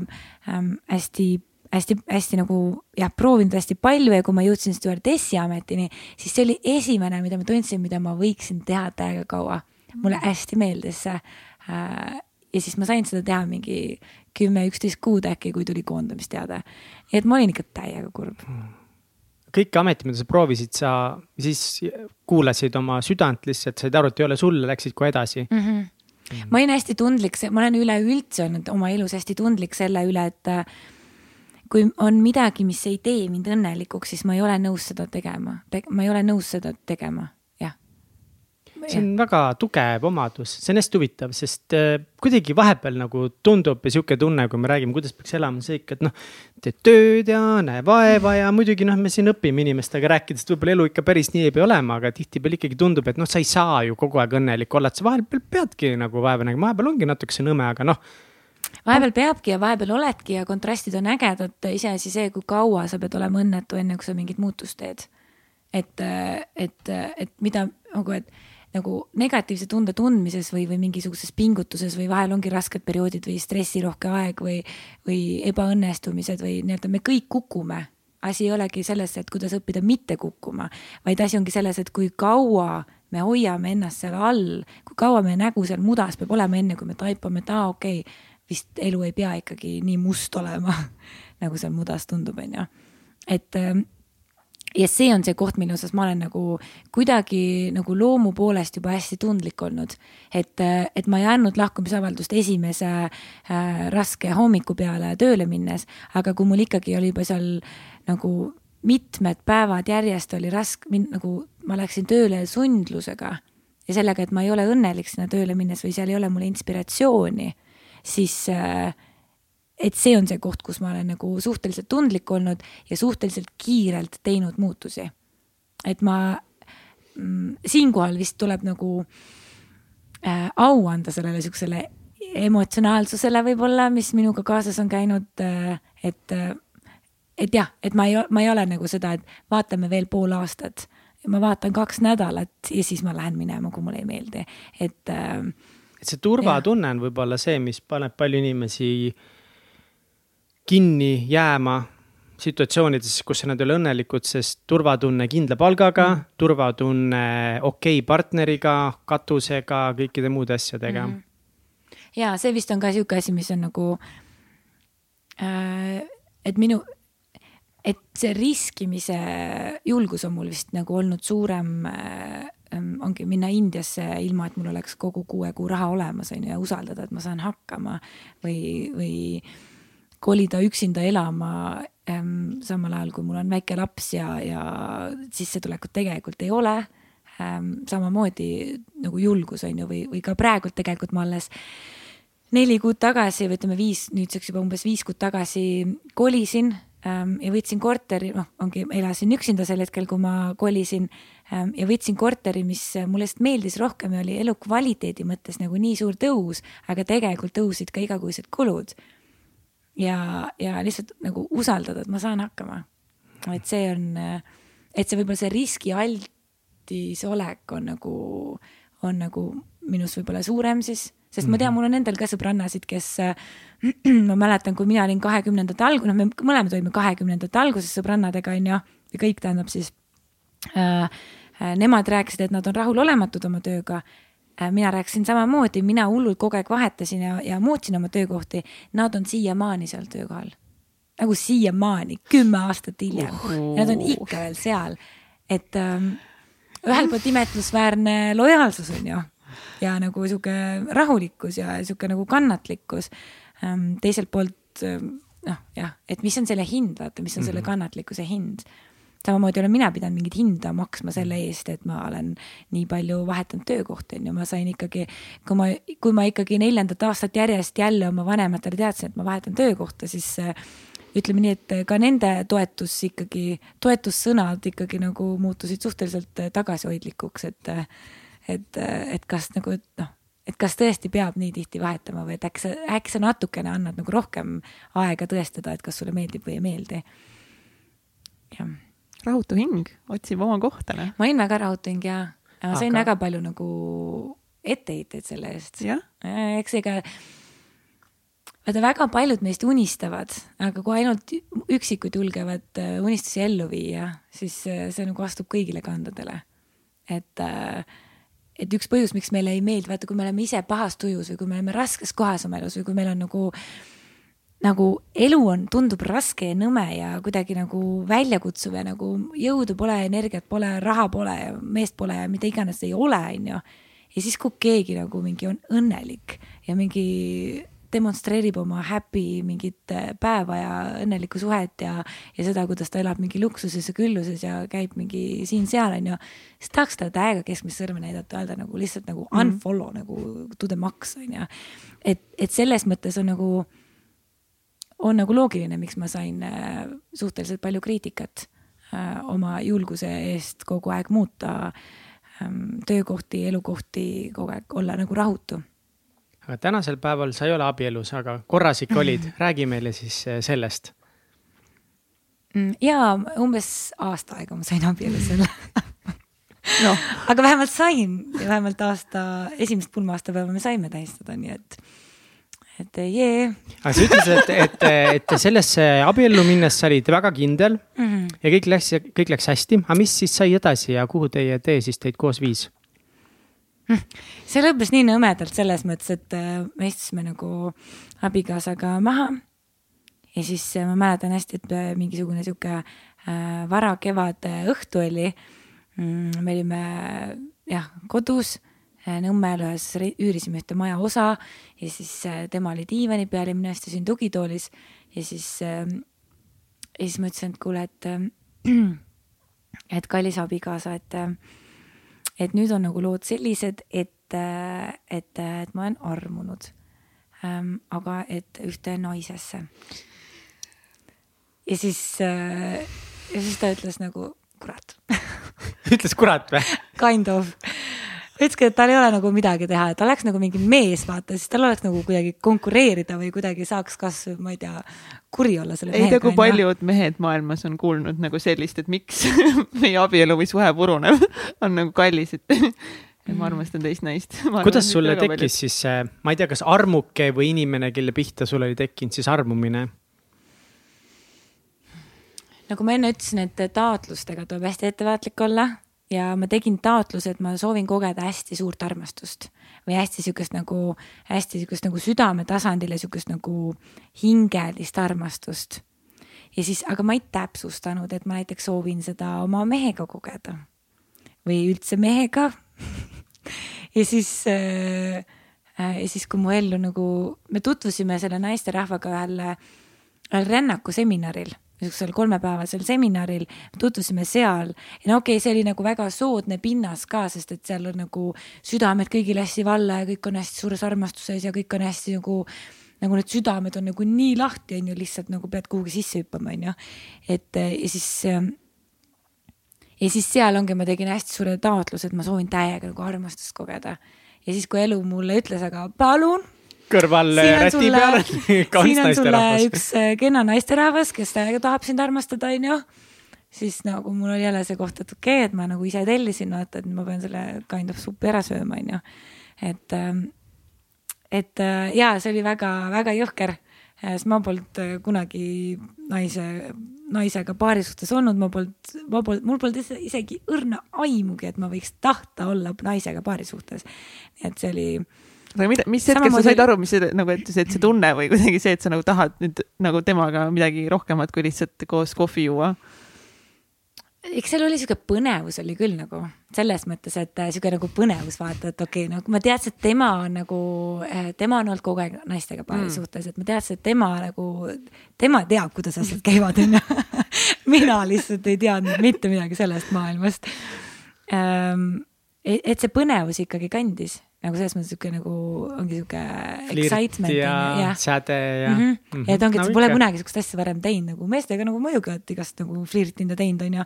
aga nagu naisega nagu mingi pole kunagi teinud ja, ja et ongi, et see tundus lihtsalt nagu põnev ja siis see nagu kandis ja see kuidagi hakkas nagu, kuna tema poolt oli ka roheline tuli antud, et siis ta nagu läks hästi kiiresti läks ta tegelikult läks nagu sihuke nagu säraküünal ähm, kahe nädalaga tegelikult ma olin oma abikaasast eraldi kolinud ja tegelikult juba selle naisega kokku läinud ja nagu hästi-hästi kiiresti. kaks nädalat mm. mega kiiresti jah.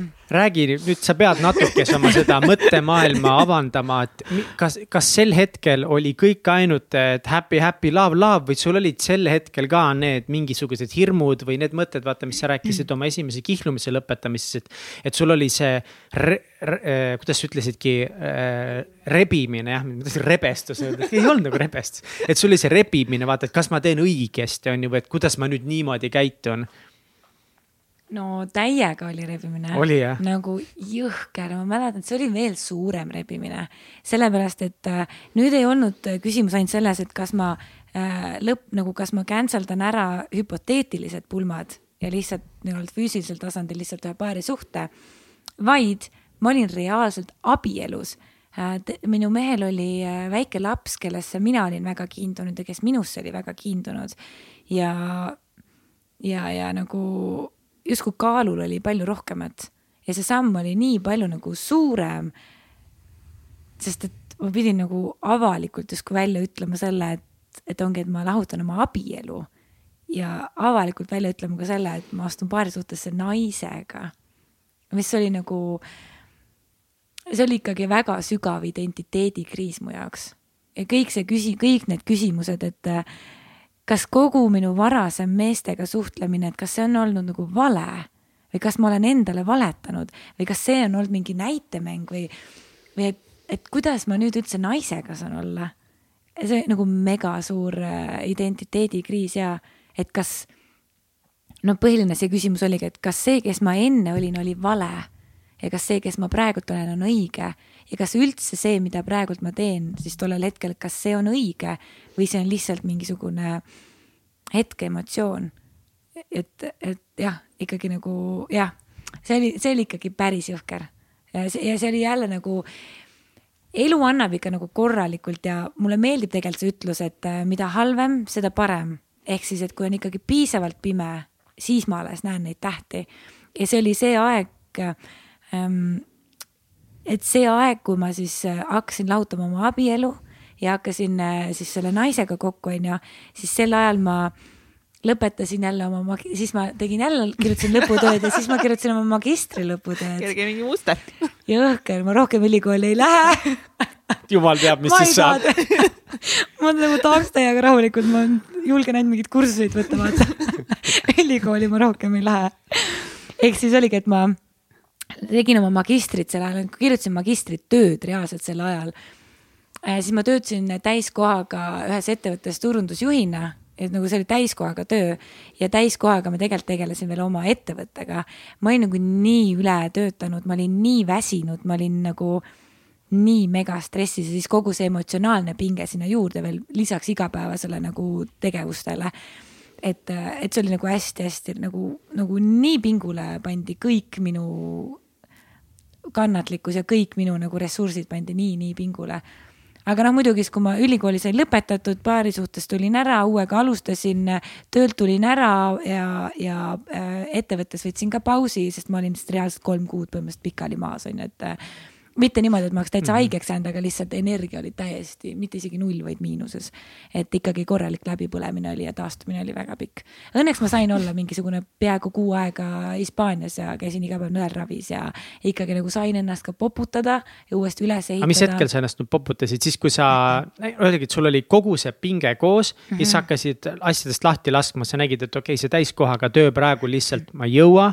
ettevõtlus läheb natukese pausile, siis sa läksid Hispaaniasse ma põhimõtteliselt tegelikult see kõik kulmineerus mul kind of piltlikult öeldes ühe nädala jooksul. Okay.. a la esmaspäeval andsin sisse oma äh,, esmaspäeval kolisin oma mehe juurest ära, teisipäeval ütlesin, et ma lõpetan äh, palgatööl ära, kolmapäeval kirjutasin klientidele enda, enda ettevõttes, et äh, nüüd tuleb rahulikum suvi, on ju. neljapäeval lõpetasin ülikooli või noh, andsin oma lõputöö sisse ja piltlikult wow. öeldes reedel sõitsin Hispaaniasse, onju.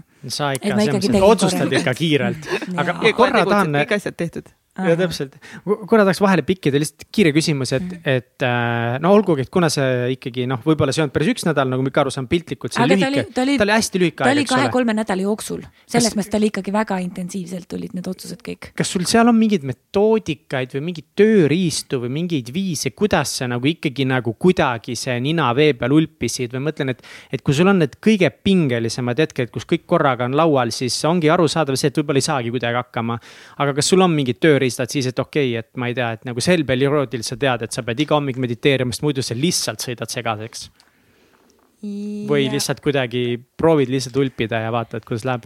Äh, minu jaoks oli hästi ähm, äh,, hästi hea abimees äh, kirjutamine. Okay.. et ma, täiega üritan leida oma seda. Ähm, äh,, kirjutamine. Ehk siis äh, oma sellistel turbulentsetel aegadel ähm, on oluline roll, vähemalt minu elus, on olnud südame hääle kuulamisel ja südamega kontaktis olemisel, sest et äh, nii kui ma hakkasin mõtlema selle peale, et mida ma teen, nagu mida ma teen, et ma nagu lõpetan oma abielu ja lähen naisega paarisuhtesse, siis äh, nii kui ma hakkasin nagu mõtlema peaga, siis ma hakkasin kartma ja ma ütlesin, et ma ei julge. Äh, ja ma julgesin neid asju teha niimoodi ainult, et mul oli kontakt südamega ja seda kontakti südamega mina sain hoida läbi kirjutamise, mis tähendas seda, et ma reaalselt iga päev oma märkmikusse kirjutasin hästi palju. mul oli hästi palju nagu dialoogi iseendaga. nüüd ma näen, et ma vestlesin oma kõrgema minaga läbi kirjutamise, sest mul oli hästi palju niimoodi, et ma kirjutasin ja siis samal ajal keegi vastas mulle läbi kirjutamise, onju ma kirjutasin nagu kaks, mul oli nagu kaks inimest rääkisid kirjutades. ma midagi ongi küsisin või üks osa minust alas on ju ja teine pool minust vastas siis midagi. et hästi palju oli sihukest nagu dialoogi ähm,. ja läbi kirjutamise ma suutsin hoida kontakti oma südamega. muusika oli selline mingite mantrate kuulamine mediteerimine, ma ei mäleta, kui palju ma suutsin reaalselt mediteerida, sest et see ärevus oli hästi kõrge, ma pigem tõenäoliselt käisin äh, jalutamas või nagu looduses, et ma tõenäoliselt pidin hoidma ennast nagu liikumises, et ma ei suutnud nii väga tõenäoliselt paigal olla. aga täna ma soovitaks mediteerida, täna ma soovitaks lihtsalt nagu, lihtsalt kasvõi iga päev kümme minutit leia see aeg, et, et korraks nagu panna pausile kogu see maailm ja lihtsalt, ma ei tea, hingata. lihtsalt lõdvestuda ja hingata, onju noh, tol hetkel ma ka hingasin ja lõdvestusin, aga läbi kirjutamise ja läbi muusika ja läbi ähm, jalutamise. aga see kord, kontakt südamega ja. kuidas seekord siis oli vanematele rääkida õudne, õudne. siit ma tulen jälle täiesti kohutav, see oli nii õudne, ma mäletan, me istusime äh, grillmajas äh,, meil seal maja taga oli, me küll elasime, noh, nad elasid kortermajas, aga seal oli grillmaja oli meile sinna taha pandud nagu hoovi oli, nad olid üles pannud grillmaja siis me istusime seal grillmajas ja oli ilus kevad ja vist tegime mingit kind of mingit ähm, grilli ja no sihuke nagu chill oli onju ja. ja siis äh, mu isa on selline mm, vanem meesterahvas äh, ilmselgelt. Ja ma tahtsin öelda tegelikult vanem vene meesterahvas onju, et ta nagu ehk siis see Zanzibaril öeldud, et me oleme nagu I m from Russia, see oli nagu minu puhul oli nagu pool, pool vale ainult. et mu isa on vene rahvusest ja ähm, ehk siis sihuke konservatiivne pigem jah sihuke nagu peretreedid, mu vanemad äh, just hiljuti tähistasid oma kolmekümne esimest pulma aastapäeva ja et nad on nagu pikalt koos ja mul on hästi sihuke traditsiooniline perekond ja, ja, ja mm, ehk siis, et see pinge oli ikkagi korralik. istusin seal vastas ja, ja siis hakkasin nagu, et noh, et mul nagu uudiseid ja hakkasin nagu muidu vaikselt laveerima, et noh, läksin lahku ja sellest mehest ja, ja, ja et nüüd on nagu uus kaaslane ja ja aga et, ähm, et see kaaslane on nagu äh, naine. ja siis oli siuke pikk paus. vanemad vaatasid üksteisele otsa. isa nagu niimoodi noogutas vaikselt ja mm. -hmm. ema siis on mul siuke krapsakam, tema taastus kiiremini. tema siis, et ei noh, jah, et eks noh, kuidagi ta seal ikkagi kogeles natuke ja ütles, et teie, et oo, kui sina oled õnnelik, siis me oleme ka õnnelikud ja, ja eks me siis ähm, saame siis ühe uue tütre endale, saame veel endale ühe, veel ühe tütre järelikult omale perekond on ju. ja ütlesid, et tere tulemast perekonda põhimõtteliselt ja et nendel oli see põhimõte, et, et kui isa ka taastus, siis isa ka, et no isa ikkagi ka ütles, et kui mina olen õnnelik, siis on nemad õnnelikud ja mis iganes mind siis õnnelikuks teeb. et siis, siis nad püüavad siis harjuda wow. ma olen täiega vedanud äh, vanematega ja nad on nagu mega toetavad mm.. kuigi ma nägin, et äh, okay,, kui ema nagu suutis selle nagu võtta vastu päriselt, siis isa tegelikult ikkagi nagu päris sõbraks ei saanud selle mõttega, et, äh, et ega ta nagu väga mm, -hmm. et temas ikkagi nagu jäi selline nagu võib-olla distantseeritud tum olek sisse äh, kogu selle, selle idee osas. Ähm, aga ta ei öelnud mitte kunagi midagi halba, ta ei teinud kunagi mingit kommentaari, ta ei pannud kunagi kätt ette. Mm, noh, et äh, ma ei või koos näiteks oma naisega siis äh, koju minna, onju. Mhm. et, ähm, et ta jäi nagu poliitiliselt korrektseks väga hea. millised olid siis kogemused ja avastused naisega koos elades, no räägi kõik juicy detailid nüüd ära, palun eh, räägi seksist meile, räägi meile üldse nagu igapäevaelu, sest sa olid meestega koos elanud. ma ei tea, kas naisega on täpselt samamoodi või naisega koos elama hoopis teistmoodi? kuidas nii oli? ja naa, nii ja naa, selles mõttes, et eh, suhe on suhe. Eh, me käisime me olime mõlemad hästi nagu vaimsed ja siuksed teadlikud pigem või siuksed nagu huvitatud vaimsest arengust ja vaimsest teekonnast ja, ja enesearengust hästi huvitatud ja siis me käisime hästi teadlikult ka äh, baariteraapias, et nagu võimalikult äh, palju äh, nagu siis ähm, asju õigesti teha, et ei läheks pekki äh, ja siis äh, meil terapeut tegelikult ütleski, et tal on olnud nagu, nagu mõned naispaarid veel. Ähm, ja et mida tema on siis nii teooria põhjal kui ka läbi praktika tõdenud, on see, et suhe on suhe. Äh, mustrid on sarnased ähm, dünaamikad on samad, probleemid on samad, väljakutsed on samad, et ei ole niimoodi, et, et ähm, naine naisega, naine mehega, mees mehega, et, et on midagi kardinaalselt erinevat et, et suures pildis suhe on suhe, kõik minu äh, luukered tulid minuga kaasa, olenemata, mis soost mul kõrval inimene on, on ju mm. -hmm temaga, temal samamoodi. et selles mõttes nagu mingit mega suurt erinevust ei olnud. mis oli erinev, oligi see, et, et nüüd need nais- ja meesenergiad äh, kuidagi nagu vaheldusid rohkem, et äh, et muidu on see, et vaata, mees on justkui nagu mees, on ju, ja naine on naine. mehel on justkui teatud tööd ja ülesanded suhtes nii energeetiliselt kui ka füüsiliselt, on ju. naisel on teised siis rollid, aga kui on kaks naist, siis need mees nagu meeste ülesanded või meeste rollid me siis pidime kuidagi nagu jooksvalt ära suutma lahendada või kuidagi nagu jooksvalt ära suutma lahendada ja tegelikult seal oli küll selliseid kohti, kus mina nagu jooksin täiega peaga vastu seina, sest et minu isa on kasvatanud mind äh, ja minu ema äh, väga ähm, härrasmeheliku, eriti vaata vene mehed on siuksed, kes hästi mm. hoiavad oma naisi ja oma emasid ka ja sihuke matriarhaalne ühiskond on Venemaal hästi nagu ju aus, au sees, et naised ja emad on hästi nagu kätel kantud. ja mina olin kasvanud sellises e, perekonnas ülesse, kus, kus isa ikkagi nagu väga tugevalt hoidis naisi mul piisas vaid äh, mainida, et äh, mul, ma ei tea, lõpevad kell kolm tunnid ja buss tuleb alles pool viis, noh, kuna ma tegelikult elasin Türilt natuke väljas, siis isa juba tuli, ise tegi ettepaneku, et ta tuleb mulle järgi, on ju, või, või, või äh, mul oli vaid vaja mainida, et mu koll, seljakott või koolikott on kuskilt natukene katki läinud, siis isa õmbles selle ära või jalanõud on kuskilt katki, siis ta õmbles need ära või parandas ära või, või kui kuskilt midagi läks katki või midagi, siis isa hästi nagu provide'is oma nagu kuldsete kätega kõike, mida iganes ta teha sai, onju. mis tähendas seda, et mina olin nagu elanud selles mõttes nagu, et, ähm, et kui pesumasinast hakkas mingisugust, äh, mingit äh, vett kuskilt välja ajama, siis, siis mul oli nagu, et nagu jaa, nagu jah, ma näen, aga nagu. mehed tegelevad nagu ju. keegi teeb selle korda, vaata mina ei hakka seda nagu, mida mina teha saan. või, või kui äh, nõudepesumasin nagu ei töötanud enam, siis mul mingi, et nagu okei okay, aga nagu, nagu. miks sa juba terve ei ole? ja nagu, et mida mina, kui mina ei hakka seal mingi kuradi põlvitama ja mingi nõudepesumasinat surkima, onju. keegi tuleb ja teeb selle ära, vaata, onju. et, et see oli nagu täiega see, et ja kõige raskemad olid need hetked, et mul oli kuidagi peres sees see, et mehed tangivad autot. et eh, kas siis minu vend või minu isa alati tankis autot nagu kütust, onju ja et olenemata näiteks, et kui, kas ema oli roolis, mida oli suht, eh, suht harva või siis oli näiteks mina roolis, kui ma õppisin autoga sõitma, onju, siis olin mina roolis. ja isegi kui mina olin roolis ja me sõitsime tanklasse, siis ikkagi oli see, kas siis isa või eh, vend läks tankima no, ja siis, kui ma sõitsin küll, nagu naisega nagu, näiteks ma olin roolis, onju, äh, sõitsime siis selle tšikiga koos tanklasse, pargin siis ära, keeran süüte välja.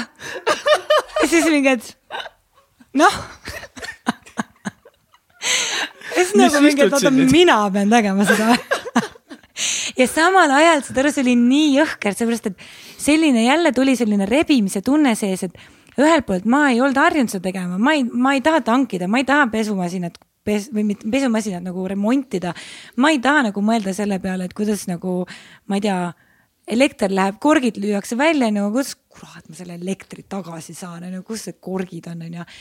ma ei taha mõelda selle peale, aga samal ajal tema on ka naine miks tema peab äh, prügi välja viima, miks tema peab nagu tankima, miks tema peab seda äh, nõudepesumasinat seal sorkima ja vaatama, mis, kus see ummistus nüüd on, on ju et see tundus, tundus vale seda ise teha, sest ma polnud harjunud seda tegema ja samal ajal tundus nii nii vale ka talle seda öelda, et tema peab seda tegema, sest tema on ka naine. et kus see mees siin on, et kes neid asju peaks tegema, on ju. et, et see tegelikult oli ikkagi, need olid ikka päris rasked hetked nagu aru saada, et nagu. kes tankis siis lõpuks?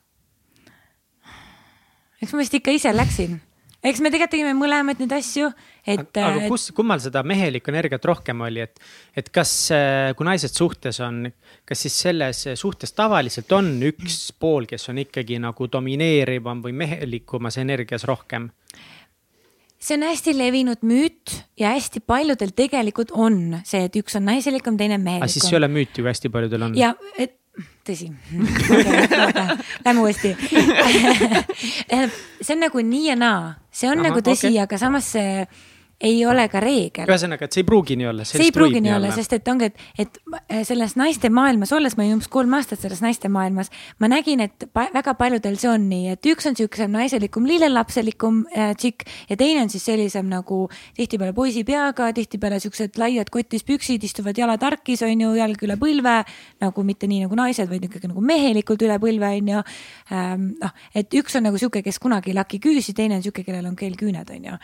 Et, et tihtipeale oli nagu niimoodi, aga mitte alati, et, et, et aga mitte alati mm. ja ka meil oli niimoodi, et ähm, äh, ei olnud niimoodi, et tema oli nüüd äh, see kutt ja mina olin siis see tšikk on ju, vaid meil oli ähm, selles mõttes hästi ilusalt, enamjaolt ilusalt äh, me suutsime nagu hoida seda, et vahepeal olin mina, minus on hästi tugev sihuke jõuline sihuke sihuke jõuline domineeriv pool olemas on ju, siis oli tema sihuke pehmem äh, ja samal ajal äh, vahepeal vastupidi, tema oli sihuke jõuline domineeriv ja mina olin sihuke pehmem.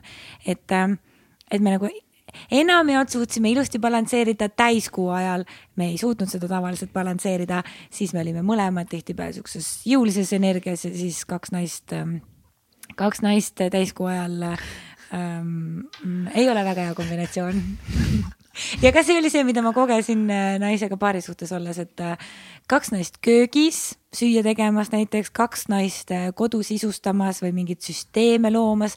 tavaliselt on see ju nii, et naised saavad luua köögis näiteks omad süsteemid või üldse nagu mingi majapidamises omad süsteemid, mees tahab lihtsalt teada, kus midagi on. naine, sina tee süsteemid valmis, ütle, kus midagi on, on ju. Ähm, aga seal oli nii, et me mõlemad tahtsime siis nagu oma süsteeme teha, on ju, siis seal, kuidas, kus see kompromiss siis on või, või, või siis ka täiskuu ajal emotsionaalselt hakkama saada või suuta nagu jääda stabiilseks, et mida ma praegult hullult naudin meestega või ütleme, pärast naisega kogemust, mida ma naudin hullult meestega suhtes, on see, see mehelik rahu, see mehelik äh, juured maas, sihuke kindlus, see naine võib laperdada aga mees ei lähe nagu närvi või, või, või mees ei kohe ei ole tornaado sellest, kui naine korraks laperdab, on ju, vaid mees pigem suudab olla sihuke ähm, tasakaalukam, rahulikum. no kui suudab. no mul on endal palju probleeme sellega olnud mm., ma olen liiga kiiresti läinud emotsionaalseks. aga noh, seda ma vähemalt tegelen. hindan meestes nagu rohkem nüüd, et. mis oli kõige lahedam, mis oli kõige lahedam naisega koos elades või suhtes olles mm.? Mm -hmm. see, et kui ma küsisin, kallis, kuidas ma välja näen, siis tuli alati vastus et äh, nagu reaalne vastus või see, kui ma, aa ei, okei okay,, sellele tuleb nagu meestel ka reaalset vastust äh,. aga, aga see, kui ma küsisin kummad kõrvarõngad sobivad paremini, millised jalanõud ma selle äh, riietuse juurde paremini panen, rohkem panen, onju.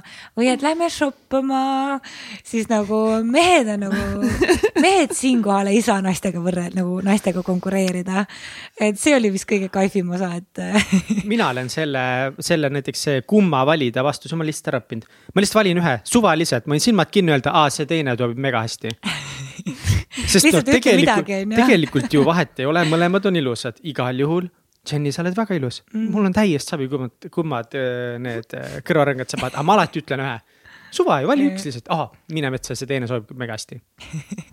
see on ülilihtne nagu toimib. Ja kõik mehed mm. nagu reaalselt ka ja. nagu ma tean, teil on ülipohku enamasti. Täiesti savi, aga mis on kõige kaval, ütle lihtsalt ja hästi enesekindlalt, aa, esimene kindlalt ja, ja. ja, ja siis, kui ta ütleb, et ah, ma ei ole kindel, siis alati lihtsalt, siis sa ei pea jätkama selle vestluse, ütled, ai, minu meelest oli esimene, ma ei oska rohkem öelda mm. -hmm. ja kõik ja siis ta mingi, no jah, läheb valib ikka selle, mis talle endale meeldib, aga sa oled oma töö täitnud ja pole probleemi. ja, ja täiega õige. aga no muidugi mul ei olnud tolleks hetkeks ka nii ähm,, nii suurt hingelist lähedust ühegi mehega olnud kui naisega. et meile naistele meeldib rääkida ja, ja kui kaks naist, kellele meeldib rääkida, saavad kokku, siis, äh, siis on seda rääkimist väga palju ja see, see hingeline lähedus, meid siduski temaga hästi palju hingeline lähedus. et, äh, et see oli hästi, hästi nauditav. et see, et seda ma polnud ka, et see oli ka väga vinge asi, et see sihuke südamest südamesse lähedus ja ühendus, et see oli ka hästi ilus. kas naised teevad keelekat paremini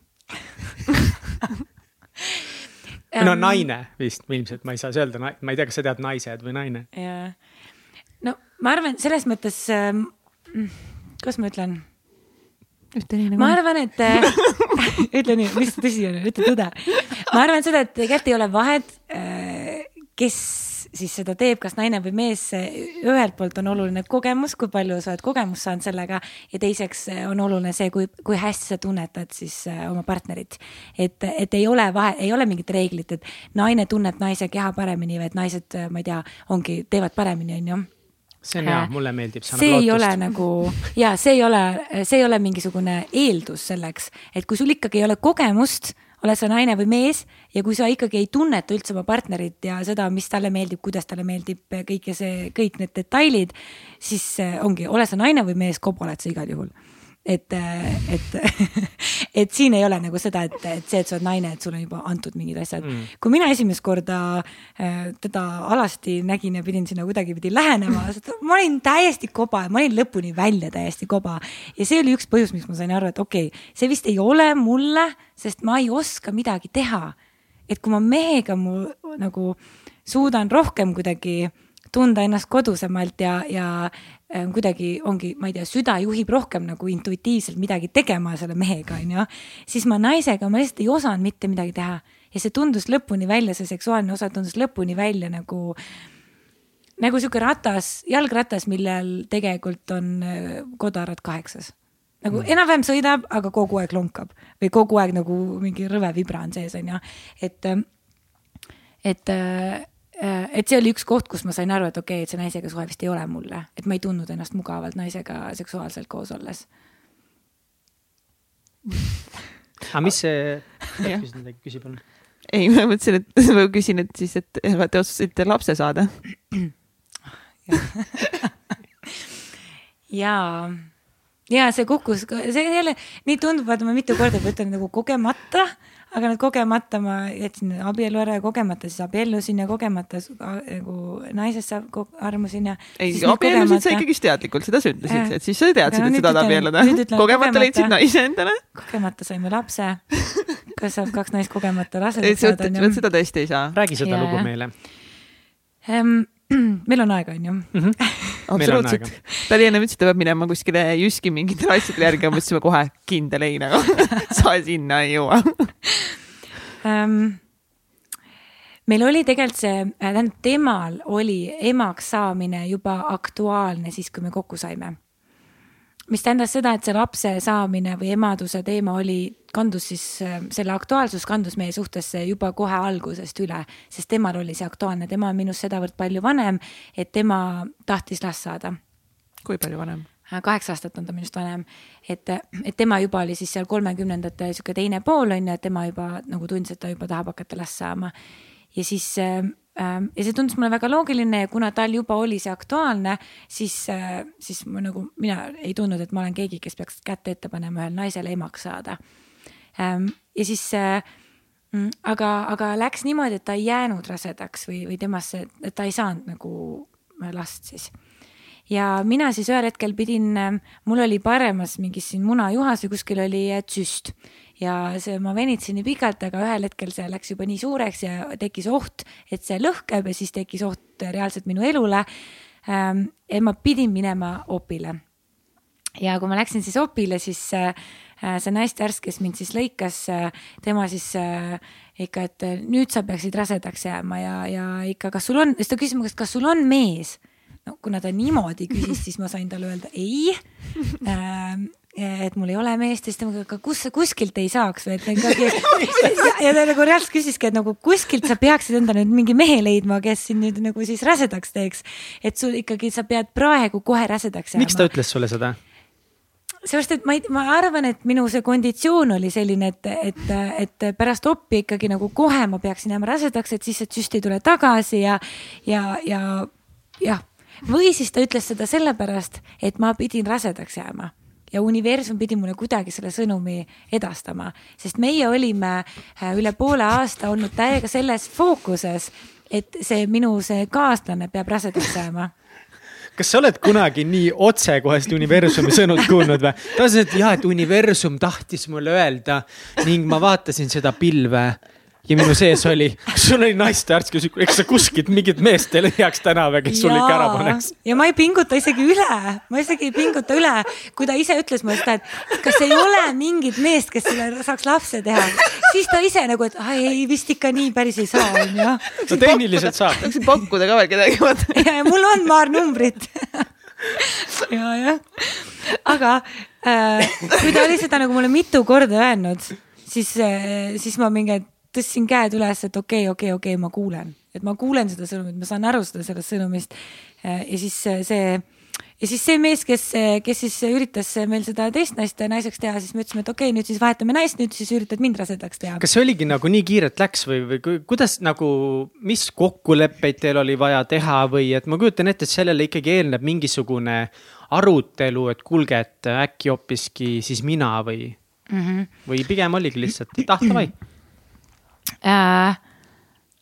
Üldiselt naised saavad siis äh, omavahel lapsi niimoodi, et äh, kas siis on äh, ähm, kunstlik viljastamine, on spermapangast lihtsalt doonor või siis on reaalne mees, on ju. -hmm. Ähm, ja minul, kuna mul oli neid austajaid tegelikult oli sel ajal nagu mitmeid, on ju, kes, kes rohelise tule andsid sedasi äh, last saada. oota, äh, palun andke, andke kõik andeks, sorry, kats, sorry, Tali, sorry, ma lihtsalt pean too paar näidet, kuidas sa esitasid mõnele seda, et äh, austajale, et kuule, mis sa homme teed no üldiselt tegelikult kogu selles naiste maailmas nagu käibki see jutt niimoodi, et, et äh, näiteks tehakse niimoodi, et äh, on äh, geipaar ja siis Aha. on lesbipaar ja siis ähm, otsustatakse, et saadakse laps üheskoos niimoodi, et siis a la pool aega on äh, naiste käes laps ja pool aega on meeste käes, on ju. Et et, et niimoodi nagu tegelikult tehakse, on mehi, kes äh, näiteks ei ole paari suhtes äh, ja soovivad last saada, on mehi, ma tean, et, et mõned naispaarid on teinud nii, et et nad on teinud erinevaid kokkuleppeid, on, on mõned kokkulepped on sellised, kes, et isa on hästi aktiivselt pildis, on ju, samal ajal on, ma tean kokkuleppeid, et et, et ongi mingid sõbrad, kes on valmis niimoodi last tegema. Ja nad näiteks näevad last siis, kui laps saab näiteks nelja või viieaastaseks, et siis nad näevad alles esimest korda last, on ju. on ka siukseid, kes äh, üldse ei tahagi last näha, ütlevad, et nagu go have fun oma lapsega, on ju, naudi seda motherhood'i ja, ja nagu, et ma ei taha midagi lapsest teada, on ju.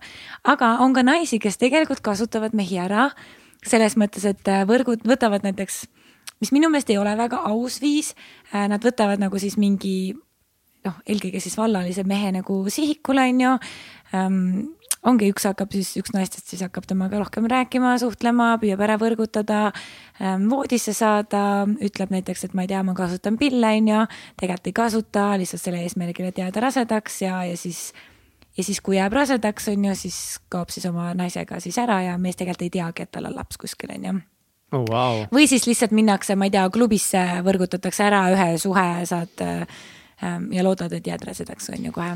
et tehakse et... nagu erinevalt no,, mingit reeglit ei ole, mingit asja ei ole. nagu veits valida võib-olla seda isa või et. no siis et... validki vaata, keda sa sealt Hollywoodist võtad, on ju. jah, kui hea välja näeb, siis juba ju. Aga nojah davai, davai, okei okay., nii, aga räägi siis, kuidas nagu teie seda arutasite ja kuidas teil asi edasi läks? Äh, no äh, meil oli üks sõber ja ütleme, ongi, et meil oli nagu üks sõber, kellega see jutt oli nagu siis äh, konkreetsem, samal ajal oli, oli mul ka ümberringi tegelikult äh, veel paar inimest, kes, äh, kes olid nagu mm,, kellega oli ka tegelikult, ongi ka seda juttu, on ju, et aga no ühega oli kõige konkreetsemalt. Ähm, ja siis ütleme, oota, ma mõtlen, mida ma siin räägin. ei, okei okay,, ma räägin siin sellest, sellest ühest tüübist ähm, jah, jah, et äh, isast, kes siis äh, äh,, hästi ilus oli see kõik äh,, selles mõttes hästi nagu sihuke pühalik ja tsere-, nagu tseremoonia oli mm,. räägi meile sellest tseremooniast äh,. et me mm, võta aega, hinga, võid lonksu vett võtta. et selles mõttes ta oli nagu, kõik oli loomulik protsess ja, ja ta oli hästi hästi teadlikult nagu lapse hinge ellu kutsumine või hästi ilus nagu lapse hinge kutsumine siia nagu siis ähm, jah, läbi hästi suure armastuse, et ähm,. Kas te nagu siuke... mediteerisite enne koos või kuidas enne, te tegite? ja see, see õhtu oli nagu niimoodi, et äh, see oli üheksas mai, see oli võidupäev, võidupüha oli see äh,, pidupäev oli. ma mäletan äh,, tähistasime, tegime suure õhtusöögi enne, saime kõik ilusti kuud täis. kolmekesti olite? kolmekesi olime jah, ja siis äh, äh, siis läksime üles korrusele ja siis äh, tegelikult jumala ilus oli nagu, panime kõik küünlad igale poole ja viirukid ja ilusa muusika mängima ja, ja siis me sidusime silmad kinni kõigil, äh, et oleks, et, et mõistus ei, ei segaks vahele, vaata. Äh, vaid et oleks nagu ainult läbi südame, tunnetaksime seda, äh, mediteerisime kõik koos enne, hoidsime kätest kinni, mediteerisime just nagu kuidagi pöördusime selle lapse hinge poole, et ta siis tuleks. ja, ja siis, ähm, mm, et see õhtu oli nagu hästi ilus ja ma jah see ongi nii lahe nagu võib-olla, miks ma tahangi, et sa just räägiks seda lugu sellepärast, et, et ma tahaks, et sa kirjeldaksidki seda, kuidas te ehitasite armastuse ruumi mm. -hmm. et kui sa meile seda eelmine kord rääkisid ka, siis minu jaoks just kõige nagu ilusam ja kõige liigutavam osa oli see, et kuidas te ehitasite üles sellise armastuse ruumi, kuidas mitte te ei lähtunud nii-öelda seksuaalsest kirest või sihukesest seksuaalsest armust, muidugi see oli ka seksuaalne. aga just see, et te lähtusite sellisest ühisest armastusruumist, et te armastasite nagu kõiki üksteist. ja te just armastasite kõige rohkem seda last, keda te tahaks, tahtsite koos kutsuda selles küünaldega täidetud toas, kus te mediteerisite, hoidsite kätest kinni, mm. panite silmad kinni ja läksite enda hinge sisse. ja siis kutsusite universumist selle kauni olendi enda mm -hmm. ellu see on jah nagu, see on äh, ja hästi teistsugune on ju, kuidas, äh, kuidas äh, nagu võib-olla on ju, no mees ja naine omavahel tegelikult saavad ju samamoodi lihtsalt kutsuda lapse mhm, hinge on ju, et, et teha nagu sihuke tseremooniaga näiteks äh, lähedus on ju, lähedust luua. Ähm,. aga jah mm,, mina hullult tahtsin last saada et kuigi nagu ma ei arvanud kunagi, et ma saan naisega koos lapse, ma ei arvanud kunagi, et, et see realiseerub selliselt ja ma arvan, et see on üks minu ähm, suuremaid õhumulle, mis on äh, nagu purunenud äh,. sest mul oli hästi tugevalt äh, unistus sellest, kuidas ma olen abielus ja kuidas ma ähm,, mul oli hästi tugev soov, tegelikult on siiani see soov äh, näha oma meest Äh, meie lapse nagu mm. meie nagu ma ei tea, vastsündinud last hoidmas äh, süles. et see selline või siis see soov, et ma vaatan oma mehele otsa ja ütlen nagu täitsa, täitsa pekkis, meie tegime selle pisikese olendi, et see on nagu meie armastusest sündinud ähm, lapse isa on nagu üliäge mees ja ma täiega armastan teda, aga noh, seal ei ole seda romantilist armastust, on ju, seal ei ole seda sellist äh, nagu paari suhte armastust, seal ei ole sellist, sellist lähedust, millest ma noorena äh, unistasin, on ju. et ähm, aga, aga saab ka niimoodi.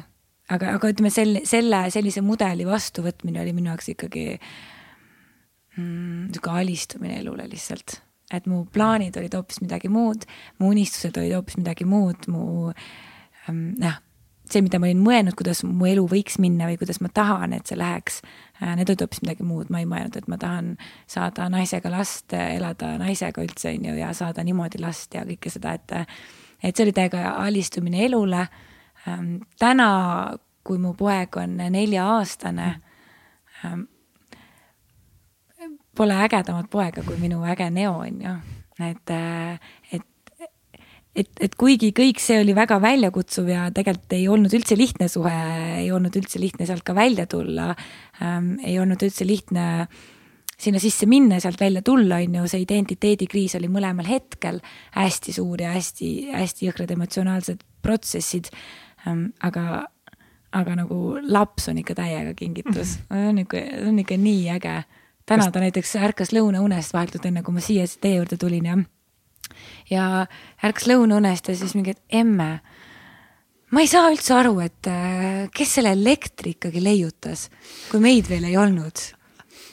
et kes selle elektri ikkagi leiutas, et nagu meid ei olnud ju või nagu kuidas ta nagu, ma ei tea, küsib vahepeal, et äh, Emme, kuskohast see meri oma vee saab või kuidas meresse nii palju vett saab tulla? Kui vaid äh, täiskasvanud inimesed küsiksid neid küsimusi mm -hmm. palju rohkem ja tahaksid avastada, see on minu arust mm -hmm. mingi kuulus tsitaat või ütlus ka või mingi meem või midagi, et. et no tõesti, et, et lapsed, kes lähevad esimesse klassi, küsivad kõige olulisemaid küsimusi kes tegi elektri mm, -hmm. kust tuleb meri, kuidas see kõik töötab mm, -hmm. siis need lapsed, kes tulevad kaheteistkümnendast klassist, ei küsi ühtegi küsimust enam, et midagi nagu. ega see ütlus oligi, et midagi väga koledat juhtub seal vahepeal või midagi väga kurba oli äkki see mm -hmm. ütlus. aga ma tahan tulla tagasi teie juurde, et kas ta, kas te otsustategi siis jätkata last, lapse kasvatamist kolmekesi või, või kahekesi um...? no ütleme nii, et meie oleme selle naisega lapse ametlikud lapsevanemad ja et me nagu kasvatasime teda ikkagi kahekesi. Äh, praegu on, äh, praegu oleme sellises kohas, kus äh, laps nii väga tahab, noh, tal on väga, lapsel on väga äge side oma isaga. isa on hästi aktiivselt pildis, üha rohkem aktiivsemalt pildis, isal on hästi tugev huvi olla lapse elus ka nagu ähm, vastutava rollina sees, on ju. ja, ja mina igati soosin seda ja laps on nagu ma ei tea, nii mega suur fänn oma isal ja noh, nelja-aastane poiss, ta nagu täiega vajab oma isa ja seda sihukest nagu meeste tööde tegemist ja kuidas nad, ma ei tea, maal ehitavad linnupesa ja kõike seda, et. et, et, et täna ma arvan, laps saab öelda seda, et tal on, on nagu kolm lähedast inimest, ta teab väga hästi, et tal on emme, ta teab väga hästi, et tal on issi. teist naist ta kutsub ähm, nagu vahepeal emmeks ka, vahepeal tema nagu nimepidi on ju või hüüdnimepidi. aga et noh, ta, ta ikkagi avaldab väga palju soovi, et ta tahab emme-issiga koos olla ja noh, me teeme väga palju asju kolmekesi koos ja me nagu oleme koos mm, nagu kolmekesi ähm,, siis emme-issi ja laps on ju. aga, aga tal on ikkagi, see naine on ka aktiivselt pildis ja et ta on ikkagi nagu kolm, kolm lähedast inimest, kes, kes teda äh, Ähm, lapsena armastab, armastavad. aga kuidas sa no., kuidas sa paari, äh, naisega paari suhtest välja astusid? enne kui välja astume, ma korra puudutaks lihtsalt seda eh, sünnituse teemat, kuna see on nagu nii kuidagi mul endal ka veits nagu aktua aktuaalne eh, teema, mille peale ma olen lihtsalt hakanud mõtlema, noh, siis nagu mingi vanuse värk on ju. et ma tean, et või kas sul on uudiseid, Kats ei, ei ole, ei ole, ei ole üldse veel, üldse veel ei ole mingeid, mingeid uudiseid selles vallas hetkel.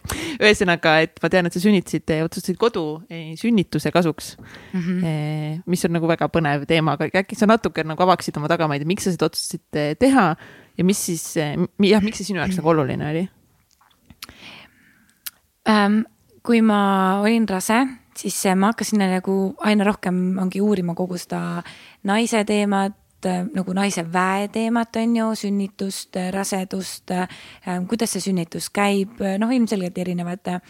aga oota, tegelikult on niimoodi, et ma ei käinud väga nendes haiglates, nendes sünnitusloengutes, vaid ma käisin näiteks Ingrid Kaoküla juures, Kaoküla, Kaoküla, Kaoküla ähm,. tema juures sünnikoolis on ju, ma käisin äh, Tiia, Piia, Kiia hoopis, Kiia äh,. issand, ma ei mäleta mu nimede peale, halb mälu. igal ma käisin äh, ühes pehme sünni koolis äh,, ta õpetas hüpnosünnitust ja, ja ongi hüpnosünnitust ja inimesed, ma täiega soovitan guugeldada hüpnosünnitust. hüpnosünnitus ja pehme sünnikool on ja. kaks eri saiti.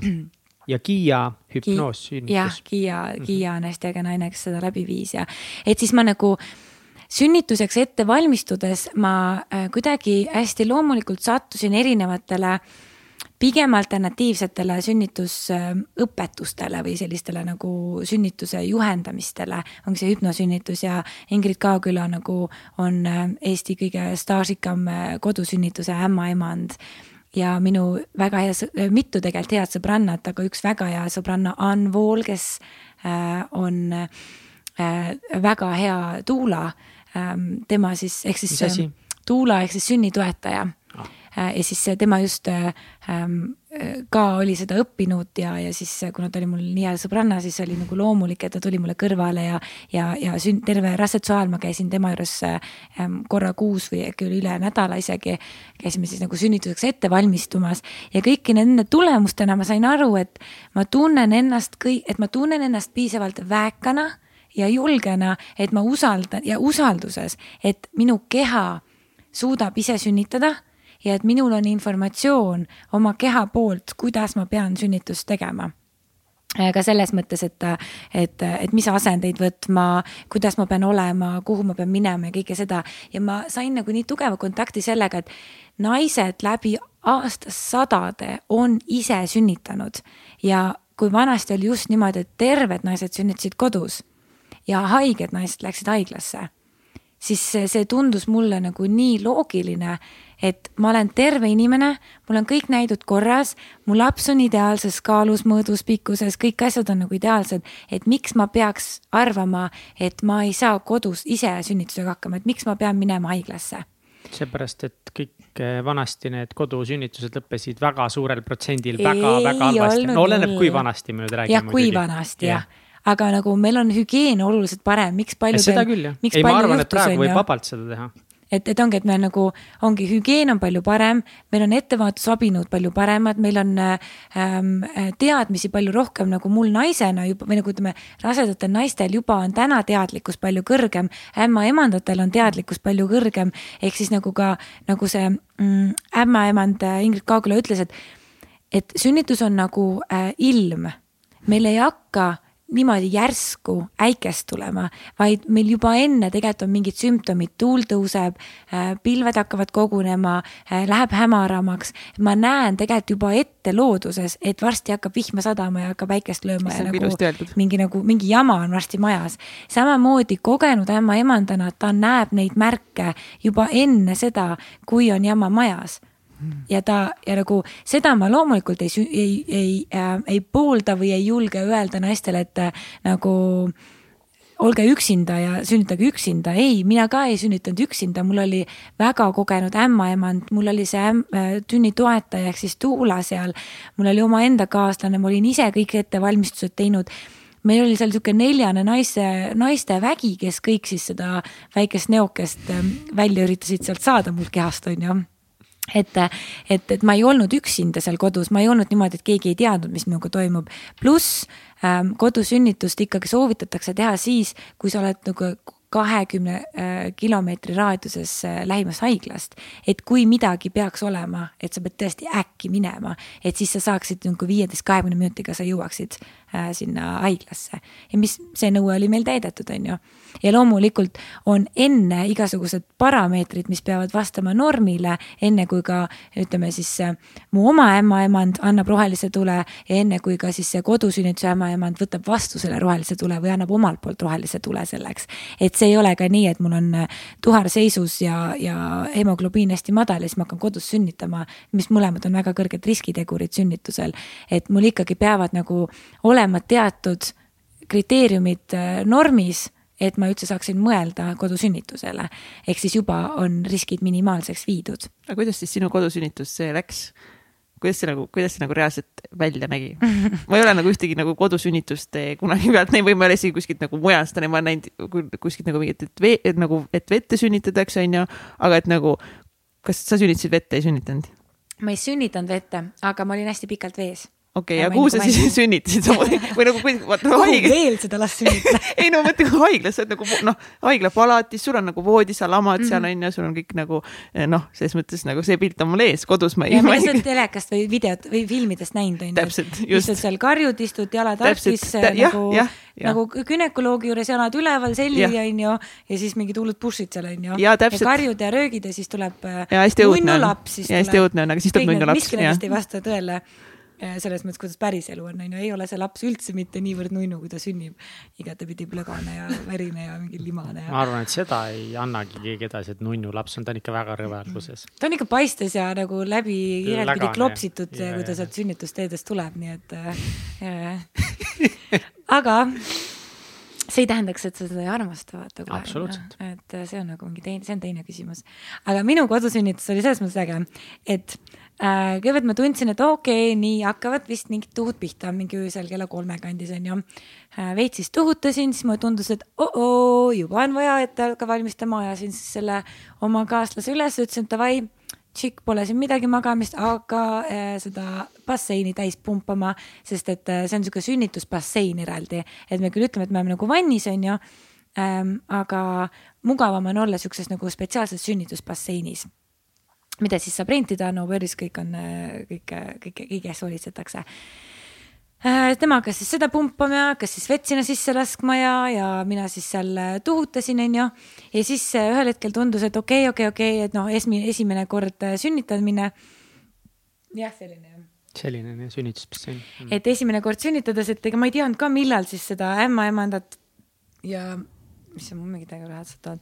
et ämma, äh, et ma ei teadnud, millal seda ämmaemandat ja millal seda tuulet siis kutsuda, on ju, igaks juhuks mingi davai, kohe kutsume kohale, on ju, et äkki mul kohe ta lupsab välja see laps sealt välja, on ju.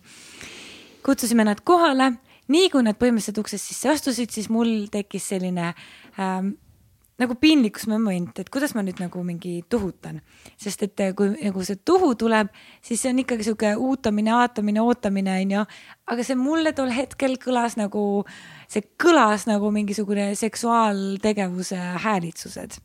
ja siis mul tekkis nagu sihuke piinlik, et nagu kuidas ma mingi, kuidas ma oigan seal samal ajal, kui mingid teised on nagu noh, kind of nagu võõrad on nagu seltskonnas, kuidas ma nagu mingi oigan seal onju. ja siis äh, ja siis ma nagu kuidagi ei hoianudki või kuidagi nagu keha nii tark, et ta kuidagi tõmbab kohe pingesse, onju siis ma läksin vahepeal üles korrusele ära, onju, meil oli kahekorruseline see elamine. Läksin üles korrusele, siis mul hakkas, kui juba mõned tunnid läksid mööda, onju, nemad siis hästi viisakalt ootasid, vaata, onju. Äh, see sünnitusprotsess tavaliselt on pikk ja nad on harjunud mõlemad ootama ja, ja siis, kui mõned tunnid läksid mööda, siis mul ikkagi tekkis tunne, et kurat, nad on juba nii kaua olnud, et äkki peaks neile süüa andma või et äkki neil on igav või kuidagi nagu tekkis see, et ma hakkasin nagu nende pärast muretsema, hakkasin nagu nende eest tahtma hoolitseda ja siis ma nagu hakkasin nagu sain pahaseks oma selle kaaslase peale, et, et mis sa nagu minuga siin passid, et nagu mine alla ja kuidagi. tegele külalistega. tegele külalistega jah, et meil on nagu külalised nagu, ole viisakas, vaata see on nagu nii haige ja siis äh, aga see kõik nagu see mõte, et meil on külalised ja me peame nende eest hoolitsema, see täiega pidurdas minu sünnituse protsessi. ja siis ühel hetkel me jõudsime siis üheskoos selleni, et okei okay,, et võib-olla läheb veel aega, võib-olla on nagu, nagu chill im, kui, kui nad ära lähevad et, et, et nad lähevad ära, nagu kõik on hästi, et ma ei peaks põdema, lihtsalt, et ma andku siis uuesti teada, kui nagu asi päriselt tõsisemaks läheb. ja, ja, ja ma ei tee nalja, nii kui nad olid uksest välja läinud ja see uks kinni läks tuli mul esimene tuhu selline, kus mul oli täiesti ükskõik, kes oli, äh, kes oli äh, ruumis. ma ootasin, aatasin ja ootasin nii tugevasti, kui ma vähegi sain, onju. et siis, siis hakkasid nagu need päris tuhud. Ma küll mõtlesin veel, et mul oli räige magusaisu, tahtsin täiega jäätist, ma mõtlesin, et ma ikkagi lähme jalutame, meil oli mingi poolteist kilomeetrit oli poeni, et lähme ikkagi jalutame, see oli talvine aeg oli, lumi oli täiega maas aga siis ma ikkagi saatsin, sain kakssada meetrit umbes kõndida, kui ma sain aru, et okei okay,, see on nagu, et, et nüüd ma nagu päriselt on sünnitusprotsess, et ma ei ole enam võimeline kõndima. mina läksin koju, aga see naine pidi autoga ära käima, seda jäätist ma pidin ikkagi saama äh, siis ma ikkagi mõned tunnid, äh, ma ei julgenud kohe neid uuesti tagasi kutsuda, onju, sest et nagu been there, done that, onju. ikka see piinlikkus ja mingi valehäbi. ja, ja, ja ja siis ma ikkagi nagu need läksid ikkagi üha tugevamaks ja, ja üha väiksemaks need vahed ja siis me ühel hetkel ikkagi kutsusime nad tagasi ja noh, siis olid ikkagi päris tuhud juba, et, et siis, siis enam see hoog ei pidurdunud, kui nad tuppa astusid, onju. ja siis oligi nagu tuhutamise aeg, päris pikk oli mul mm,. ikkagi päris pikk ähm,, mingi kaksteist tundi või midagi sihukest nagu tuhutasin ja siis, äh, ja siis hakkasid pressid, on ju, et pressid hakkavad siis siis, kui on nagu täisavatus, siis hakkab siis pressimine, on ju, et enne sa ei saa pressida, kui pole avatust alt, on ju. ja siis nii-öelda tuhude ajal siis avaneb ja see ongi need tuhud ja siis, äh, siis tekivad pressid, ehk siis laps hakkab siis laskuma sünnitusteedesse, hakkab siis välja tulema, on ju ähm,. ma olen kuulnud lugusid, kus äh, naised sünnivad sünnitavad lapsi kolme pressiga. mina sünnitasin kolme tunniga mul oli kolm tundi olid pressid ja no see ei aga see on kolm tundi nagu tuli ta välja?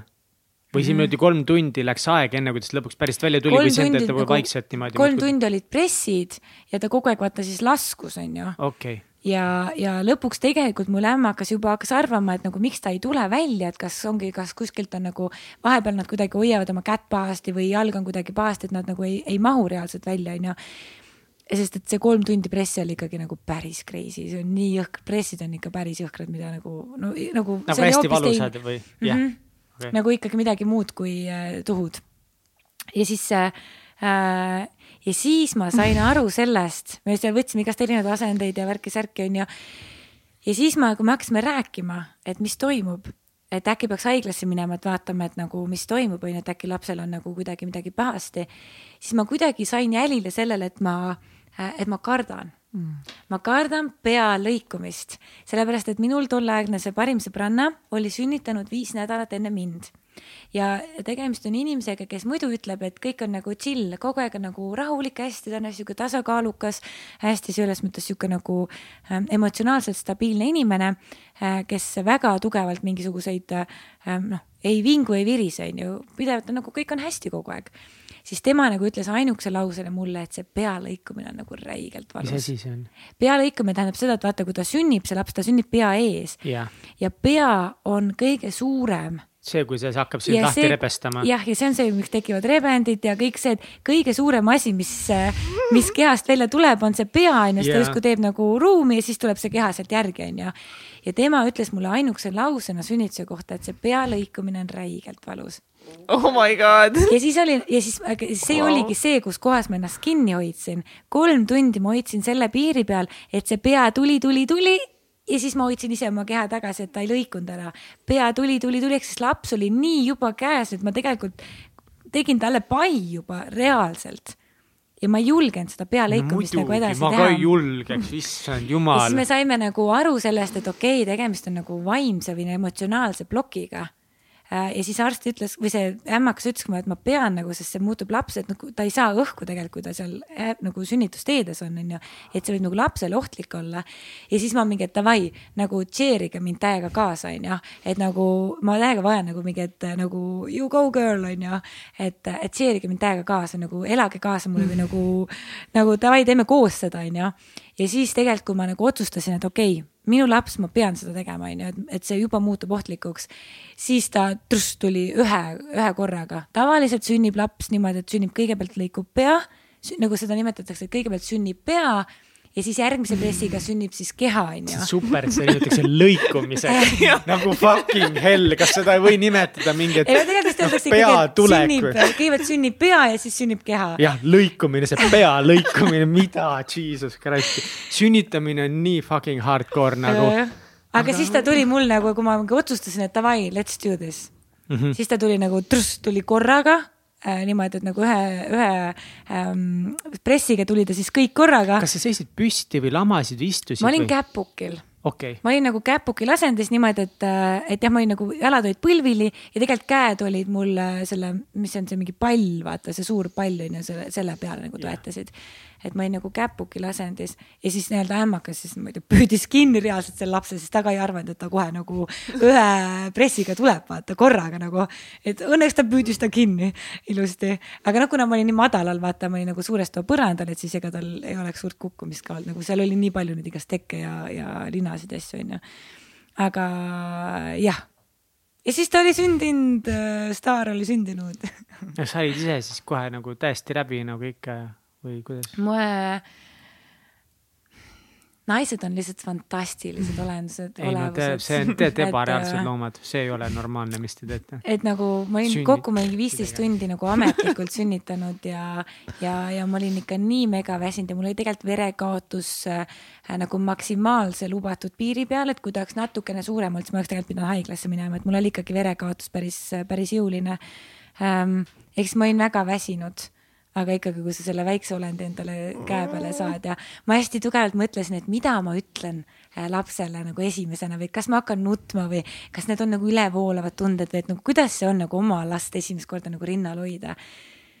siis ma ütlesin talle lihtsalt tere. Oh.. ma lihtsalt vaatasin seda väikest tulnukat oma peas, keha peal onju, hoidsin teda süles ja siis, ja siis ma lihtsalt nagu ütlesin tere see oli nagu nii ilus hetk. ma ei hakanud nutma, ma nagu ei muutunud kuidagi ülevoolavalt emotsionaalseks. mul oli lihtsalt nii suur au teda mm. nagu kohata või nagu temaga tutvuda. ja lihtsalt nagu tere, ma lihtsalt ütlesingi nagu tere, kallis. nagu, nagu tere ütlesin talle.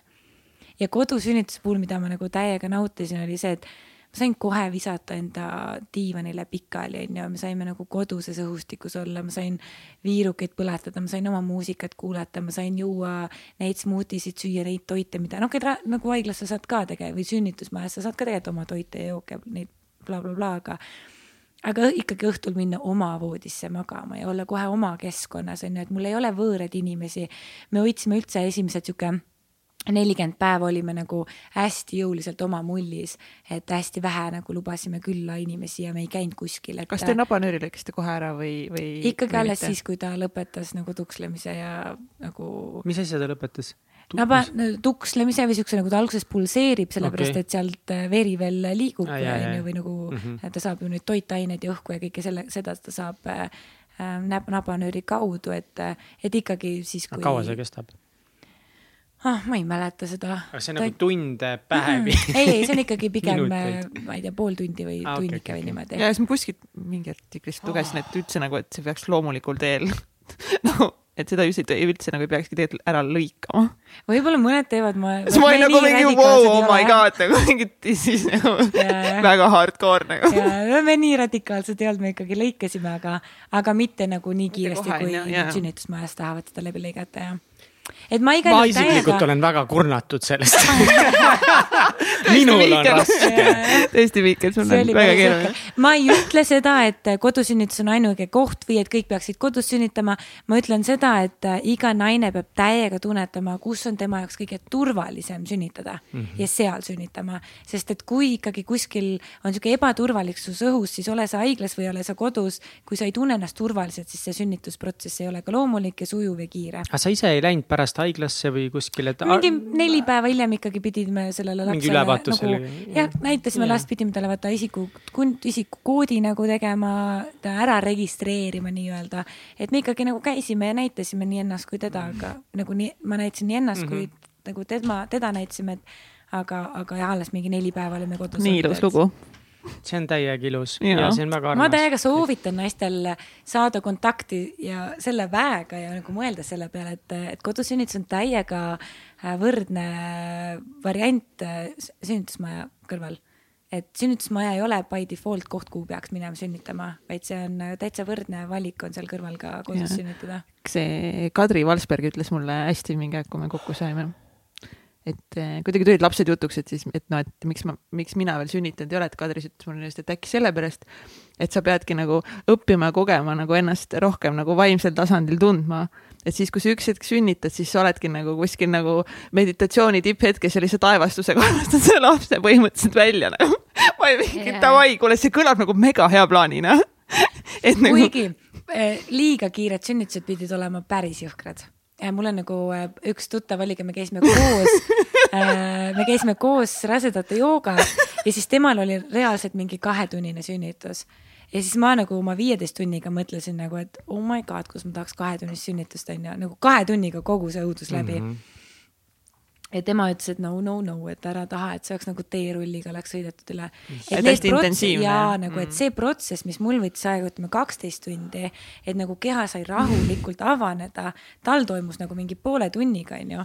Kanal kahe reklaamid ei saa ka rutem läbi, kui, see tema, tema juba oma poole avatust vaata sai, onju. Oh et, et see on nagu liiga kiiresti, et keha nagu lihtsalt nagu see taastumisaeg oli tal vist tõenäoliselt kauem kui mul. miks see sünnitus peab nagu nii ränk asi olema, ma üldse nagu vahet ei ole vahet ei ole, kas sa oled kodus või haiglas või kuskil. tal oli täiesti orgastiline sünnitus, ma tahaks seda kogeda ta seksis no, oma, ta, seks, ta hakkas erand. seksima oma mehega sel ajal, kui tal olid tuhud.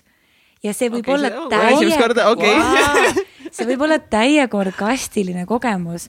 Org-, nagu tuhud võivad, üldse sünnitus võib olla nagu kõige tugevam orgasm, mida naine võib saada aga noh, see on lihtsalt, see vajab hästi tugevat nagu lõdvestumist ja oskust vaata enda keha nagu juhtida, neid energiaid juhtida ja kõike seda.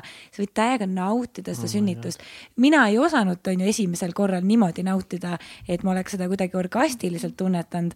aga see on täiega nagu, nagu täiega tahaks kogeda absoluutselt, kui sul on nagu valida, kas viisteist tundi piina või orgasm, siis viisteist nagu, tundi seksi on ju nagu. mille, mille suunas sa tahad nagu liikuda ja minu emme sünnitas mind mingi kakskümmend tundi, ma ikka nagu pean vahepeal ikka vabandust paluma, ilmselt nii kaua tulin. Aga see on ju täiesti selline, et sünnitus võib olla väga orgastiline kogemus ja, ja ongi, ma tean täiega tema nagu ähm, ongi, paluski mehele, et okei okay,, nagu ükskõik kui vale või veider see sulle tundub äh, nagu let's have sex nagu. Et sel ajal, kui, kui nagu, kui kaua tegelikult, sul aega läheb, läks või läheb, kui sa nagu tundsid või tunned, et oh davai, ma olen järgmiseks lapse sünnituseks valmis. vaata ole see, et nagu, et kas sa tahad last, mitte lihtsalt see, et seda protsessi jälle läbi elada. vaata, üks on see sünnituse protsess, mida sa Jah, pead läbi elama aga vaata, sellele, sellele eelneb üheksa kuud või tegelikult kümme täiskuud on ju, eelneb No ja, ka nagu veel, jah. rasedust äh,. siis on see sünnituse protsess on ju mida, mis on nüüd, ma ei tea, ütleme rahvli mingi kümme kuni kakskümmend tundi on ju. ja siis sellele järgneb rasedus või sünnitusjärgne protsess. see tundub nagu kõige hirmsam minu mis meelest. on nagu, sellest ma käin räägitakse, vetsus ära, ma, ma ei suuda. et, et, et üks on see jah, et kas ma olen nõus nagu sünnitust äh, uuesti tegema või millal, aga nagu kogu see sünnitusjärgne protsess, lapse kasvatamine, lapse esimene eluaasta, kõik see. mul on praegult pojakene neli, noh, paari aasta pärast võiks tulla uus laps küll. ma täiega imetlen neid naisi, kes suudavad nagu mingi pooleteistaastase vahega uuesti sünnitada ja mingi kolm tükki järjest sellise vahega teha, et äh, mina ei suuda.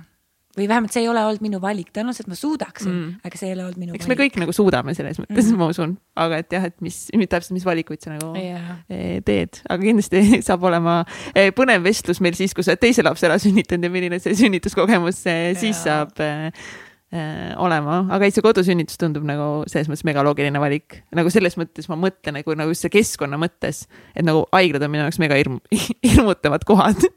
Nagu, ja, ja seal lihtsalt haiglates nagu,, nii palju, kui ma nagu õppisin tundma, mida seal haiglas, haiglates tehakse, mis on haiglate nagu eeskirjad või protokollid äh,.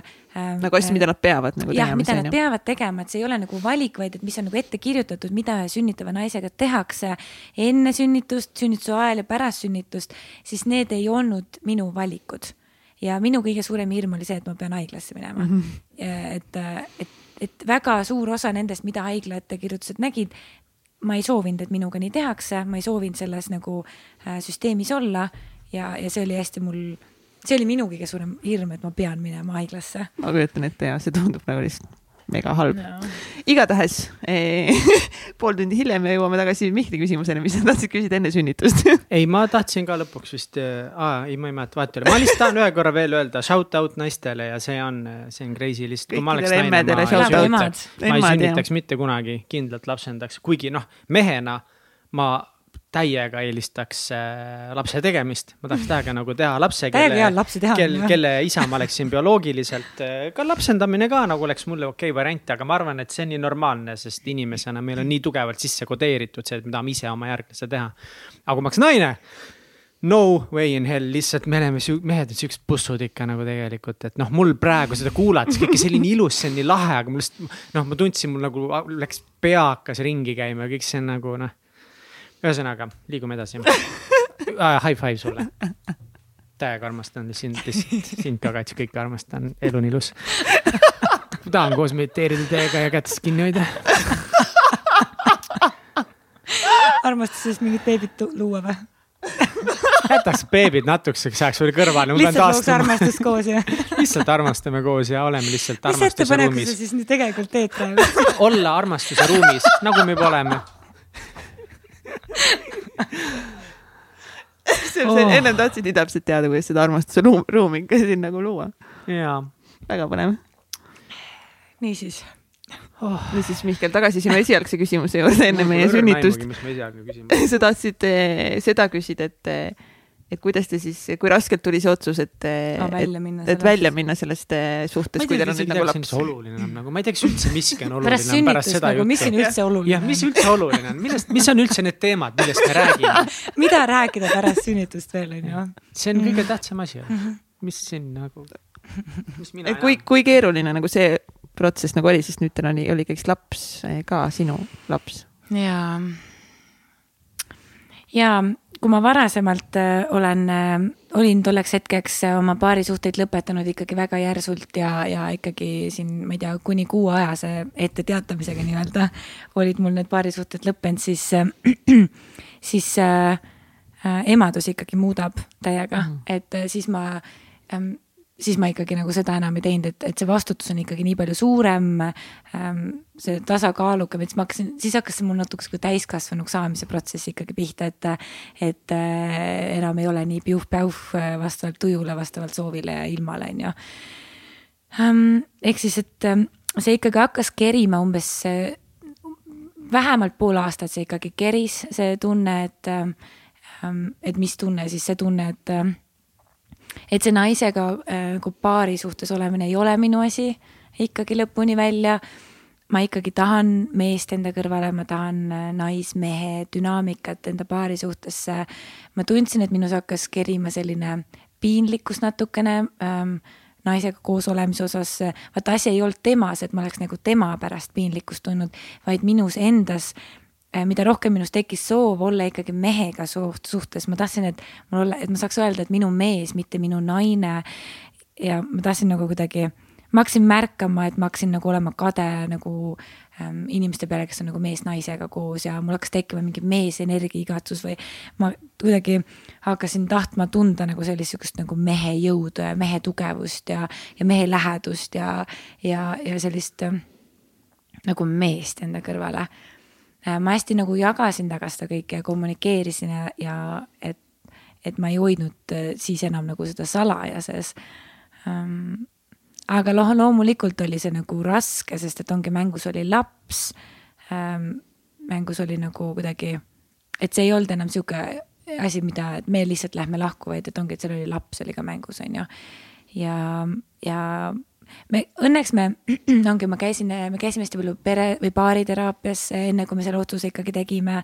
Äh, ma käisin, ma tean, ma tegin mingi poolteist kuud, ma käisin järjest iga nädal äh, Reikis ja tegin nagu energeetilisi seansse endale.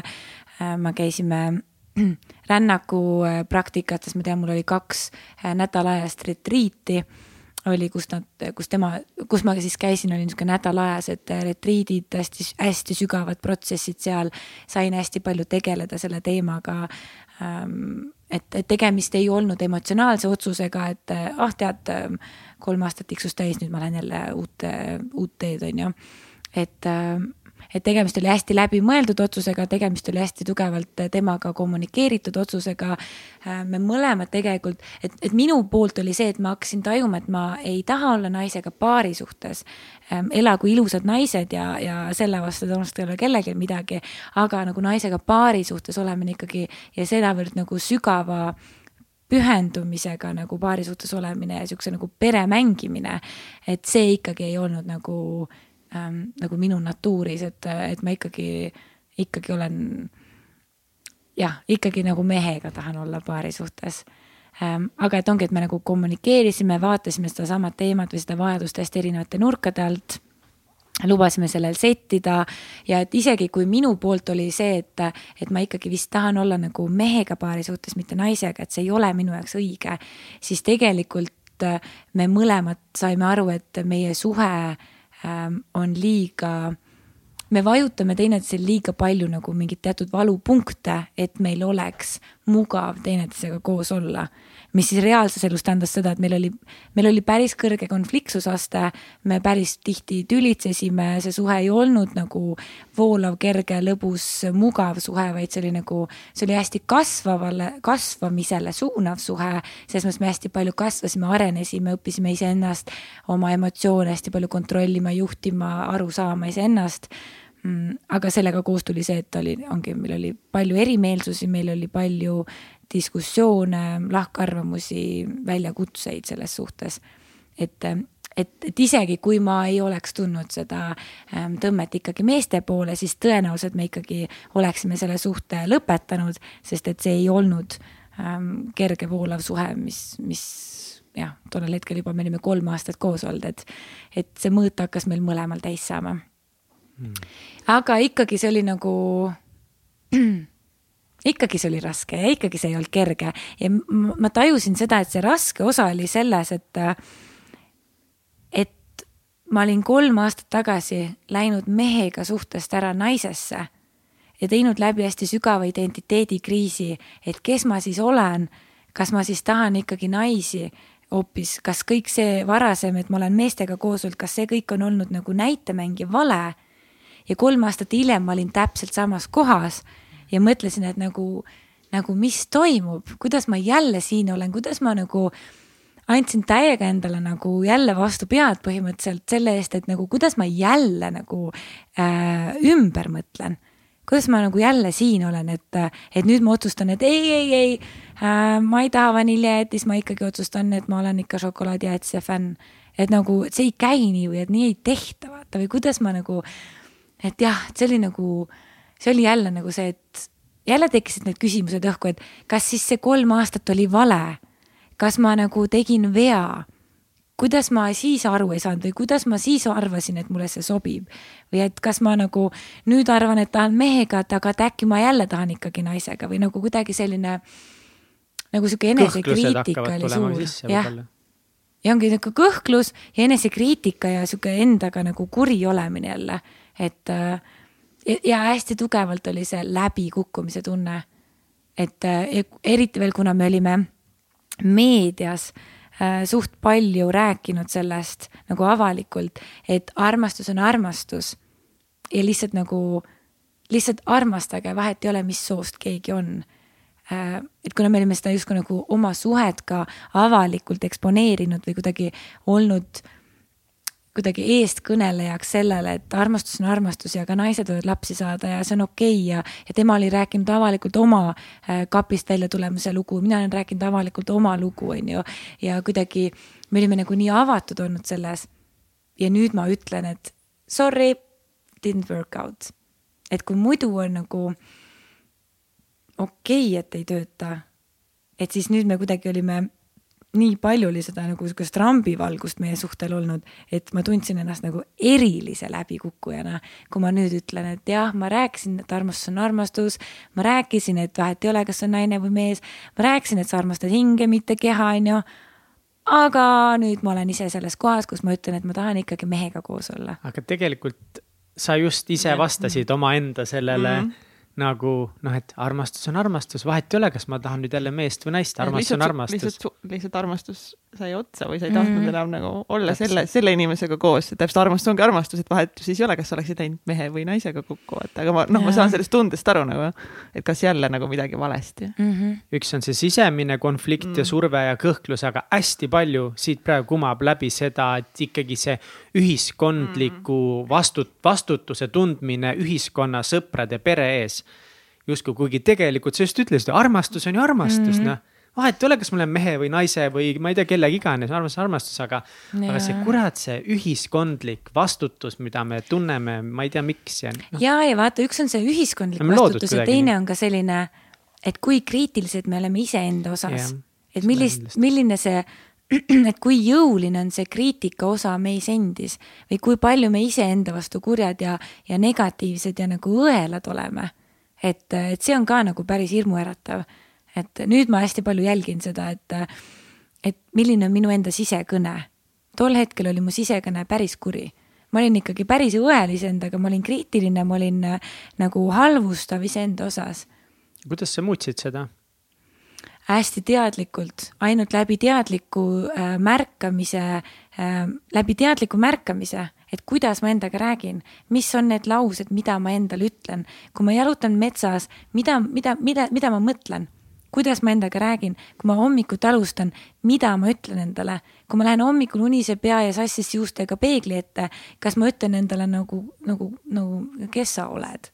või ma ütlen endale, et tere hommikust, kaunitar, sa oled nii nunnu unine välja et nagu kuidas ma endaga räägin, see mõjutab nii palju ja kuna ma nendel hetkedel, kuna ma olen läbi käinud mitu korda ähm, need mõõnaperioodid, kus ma mis on olnud sedavõrd tugevad mõõnaperioodid just selle tõttu, et ma olen endaga nii pahasti rääkinud, siis ma võib-olla märkasin äh, nagu üha jõulisemalt seda, et see endaga rääkimise olulisus on nagu nii suur. või et see on nagu nii oluline, kuidas ma räägin endaga ja kui sa märkad ennast äh, seda tegemas, mida sa siis teed, kui sa märkad, et sa räägid praegu endaga negatiivselt? no täna, mida ma teen, on see, et ma panen endale stopi kohe, et, äh, et näiteks kui ma mm,? olen ärev, olen närvis, näiteks ma hakkan kuhugi hiljaks jääma ja siis äh, ma ei tea, ajan klaasi, veeklaasi ümber, see läheb katki kildudeks. mida ma esimesena endale ütlen? kas ma ütlen nagu, nagu ropendan ja ütlen, et nagu nagu sa oled nii koba või nagu, nagu no vot ongi, et kas ma olen kuri endaga või ma ütlen iseendale, et no pole hullu, teed korda. nagu pole hullu, saad hakkama, vahet ei ole, vahet ei ole, see on ainult klaas et nagu, mis need siuksed nagu automaatsed reaktsioonid on, et kas ma annan endale kohe vastu pead või ma ütlen, et pole hullu, läheb paremaks, see on ainult klaas, nagu pole hullu, vaata, vahet ei ole. või et nagu, et jah, et täna, kui ma märkan, et ma olen enda vastu nagu õel või kriitiline, siis ma, ma justkui nagu astun dialoogi võib-olla sellega või ma nagu ähm, märkan seda kõrvalt, et okei okay,, näed, minu sees on üks osa, kes räägib minuga sellist juttu või sellisel toonil või sellisel viisil või selliste lausetega. aga et see on üks osa minust, see ei ole mina.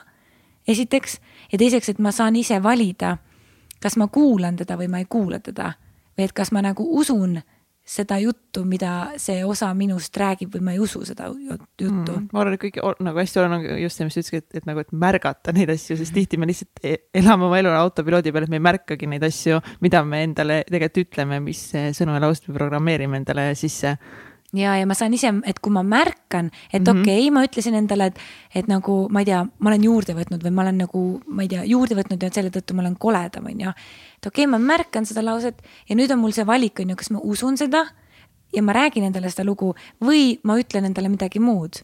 jah, ma märkan, et üks osa minust ütleb, et kuule mm, -hmm. nagu tüdruk, sa oled juurde võtnud, mine jooksma ja siis teine osa ütleb, et aga ma olen ikkagi nunnu ma olen ikkagi ja, tore. ma ikkagi armastan mm, ma olen ikkagi ilus, et nagu vahet ei ole, on ju, ma olen ikkagi ilus. jah, ma lähen jooksma, aga ma ei lähe jooksma mitte selle mõttega, et nagu ilusamaks saada või et nagu piitsutan ennast, et ma pean jooksma minema, sest ma olen kole. vaid ma lähen jooksma, sest ma armastan ennast Mm ja ma tahan jooksma minna, et veel nagu paremini ennast tunda, on ju. et nagu ma saan ise valida, mida ma endale räägin, aga selle jah, eelneb sellele see märkamise osa mm kui sa nüüd tagasi vaatad enda elu peale, me oleme üle kahe tunni rääkinud põhimõtteliselt nagu suhete teemal, on ju. Aga kui sa vaatad tagasi, siis mis sa näed täna, et nagu sinu arust, miks need asjad pidid juhtuma? nagu see, et sa pidid selle kihlumise seal pooleli jätma, siis sa pidid abielu lahutama, siis sa pidid sünnitama, sa pidid selle suhte ära, nagu miks sa arvad, miks see kõik juhtus? ma olen Äh, täna äh, ma vastan natuke nagu laiemalt sellele. Äh, täna ma tegelen hästi palju, ongi õnnekoolitustega, inimestega õnne jagamisega ähm,. Ähm, räägin sagedustest, õpetan nagu mingit nagu, igal juhul kõik see, mida ma täna räägin ja teen, on äh, praktiline teadmine et ma olen hästi tundlik selle osas või ma hästi tugevalt jälgin, et ma äh, ei räägiks teooriat ainult, vaid ma räägiks seda, mida ma päriselt äh, ise usun, teen ja praktiseerin. ehk siis, et ma ei oleks lihtsalt järjekordne õpetaja, kes nagu mingi räägib, kuidas elama peab, vaid et ma reaalselt ähm, jagan praktilist äh, nagu praktikat, et ma oleksin praktiline, ma ei tea, praktik, mitte ainult teoreetik. ja üks põhjus, miks ma tõenäoliselt olen pidanud kogu need halvaks läinud koogid enda sisse ära sööma, on äh, see, et, äh, et ma teaksin, millest räägin või et mu, et mul oleks nagu praktiline kogemus. Äh, kui mul oleks olnud, no et kui mul ei oleks neid kogemusi, siis ma ei teaks, mida tähendab või mida, mida inimesed võivad tunda või, või siis ma ei teaks nii täpselt, mida ma näiteks paari suhtes tahan see paarissuhe, mis mul praegu on, on nagu, nagu kõige nagu ägedam asi, mis ma olen võib-olla ütleme nagu selles suhete valdkonnas endale suutnud manifesteerida. Et, kas aga siinkohal ma... sa võid tuua ka mingeid näiteid või mida sa täna teed näiteks suhtes teistmoodi või ma kujutan ette, et nagu avatult mingitest rasketest asjadest rääkida ilmselt ei ole sul enam nii väga raske, arvestades, mida kõike sa oled pidanud nagu inimestele silma vaatama ja avaldama, et kui me mõtleme nagu, et sorry, et ma võin nüüd jälle, äh, võtan selle teema üle, on ju, nagu ma ikka teen, piraadin ära. et äh, mõnikord me ei julge oma kaaslasele öelda mingeid lihtsaid asjugi, mis näiteks alguses häirivad kellegi juures, et aa, tegelikult midagi häirib, aga sa ei julge vaata öelda, et. et ma kujutan ette, et seda julgust on sul nagu rohkem, aga et, et võib-olla seal midagi veel tegelikult tead, mis oli kõige nagu äh, hirmutavam asi äh, äh, praegusesse paari suhtesse astumisel oli, oligi just seesama, et ma ei julgenud astuda paarisuhtesse, sellepärast et ma olen nii palju käru keeranud või ma olen nii, mul on nii palju pekki läinud need paarisuhted äh,. et ma ei julgenud alustada seda suhet, sest et. Statistika näitab, et läheb pekki. statistika on nagu väga must minu suunas ja ma nagu, ma jagasin täiega avatult, enda meelest vähemalt äh,, oma ajalugu ja ütlesin nagu täiega nagu avatud kaartidega nagu, et see on nagu täiega fine, kui see tundub nagu liiga, nagu liiga suur risk, mida võtta, sest nagu ma ei ole kõige kergem võib-olla nagu amps, mida alla närida just kogu minu taga, nagu selle tausta mõttes on ju. rääkides veel seda, et ongi, mul on laps ja siis on veel seal mingid inimesed ümber, keda tavaliselt võib-olla ei ole inimest nagu lastega naistel on ju. et, ähm, et nagu üli keeruline oli nüüd astuda viimasesse suhtesse, eriti kuna see inimene tundus nagu nii äge ja ma ei taha talle haiget teha. Ja siis mul on niisugune tunne, et aga kuidas ma saan iseennast usaldada, kui ma olen nii palju nagu pekki keeranud asju nagu paarisuhetes. äkki see ei ole veel oma õppetundi ikka kätte saanud veel? äkki ma pean nagu, äkki ta on nagu nii äge mm. inimene, äkki, äkki ma teen talle haiget. ja siis oli täiega, mul viskas täiega hirmu ülesse kirjutasin kohe oma terapeudile nagu appi, mis toimub nagu ma ei julge, ma ei julge avaneda või ma ei julge nagu, nagu commit ida, vaata.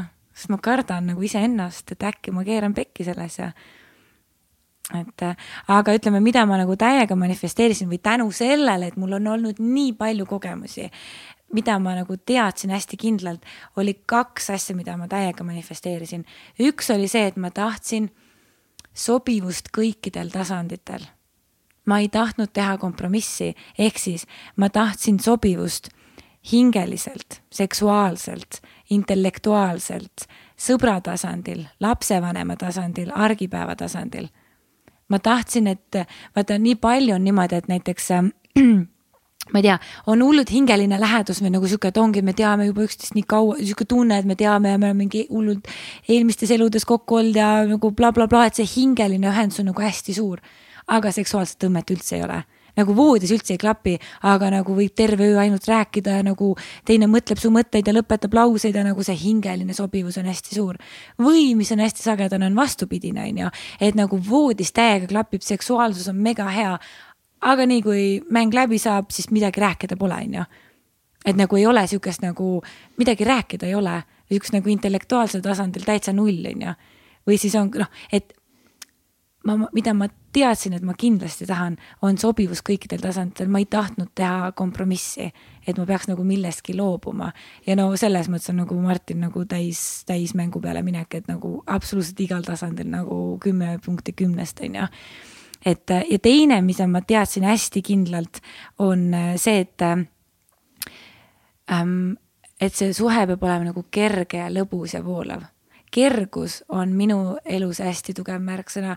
ma hästi tugevalt jälgin nagu toidus, mida ma söön, inimestes, kellega ma suhtlen, klientides, keda ma vastu võtan, kursustes, mida ma teen, inimestes, keda ma nagu ongi äh, nagu igal noh igal tasandil ma jälgin seda, et oleks kerge, et näiteks, et kui ma vaat näiteks ma enne rääkisin, et ma valisin aiamööblit sinna omale terrassile onju. kui ma tundsin, et sinna tuli raskus sisse, et see ei olnud enam kerge ja voolav, siis ma märkan seda, okei okay,, see ei ole enam kerge.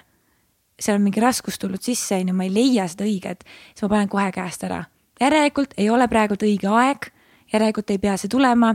ma usun, et kõik õige on hästi kerge kõik õige on kergusega, nii kui kuskil on mingi nagu push imine, siis see järelikult ei ole kas õige aeg, õige inimene, õige koht, õige meetod, õige mingisugune nagu aeg või nagu mis iganes seal variant võib olla, on ju. See ei tähenda seda, et ma iga raskuse peale kohe nagu pilli kotti panen, on ju, ja ütlen, et aitäh nägemist, vaid ma ütlen seda, et, et et ongi selle kergusega tuleb kaasa see inspiratsioon. Ja tihtipeale on see, et jah, ma olen nõus panustama, ma olen nõus tegema, aga kui ta läheb nagu push imiseks, kui ma, kui ma push in midagi, siis, siis see ei ole nagu, siis seal on mingi põhjus, miks ma pean push ima. võib-olla me jõuame samasse kohta välja, on ju, ma saan selle tulemuse ka läbi push imise, aga see vaeva kogus on nagu nii palju suurem. Ja ma olen nii palju seda ma olen nii palju seda kuidagi nagu ähm, katsetanud ja endale ära tõestanud, et jah, ma saan läbi push imise, aga hind on nii palju kõrgem, mida ma pean maksma.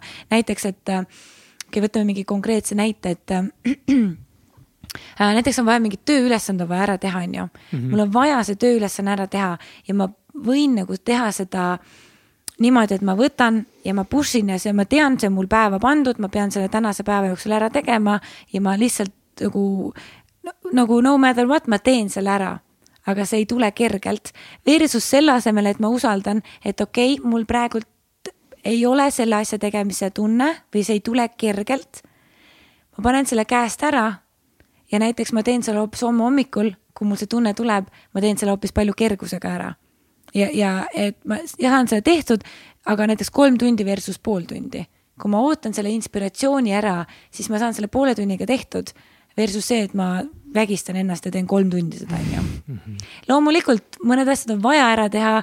üks päev ma just istusin kell üks öösel arvutisse, sest mul oli vaja see asi ära teha ja mul ei olnud seda kuhugi lükata ja nagu that's life, onju.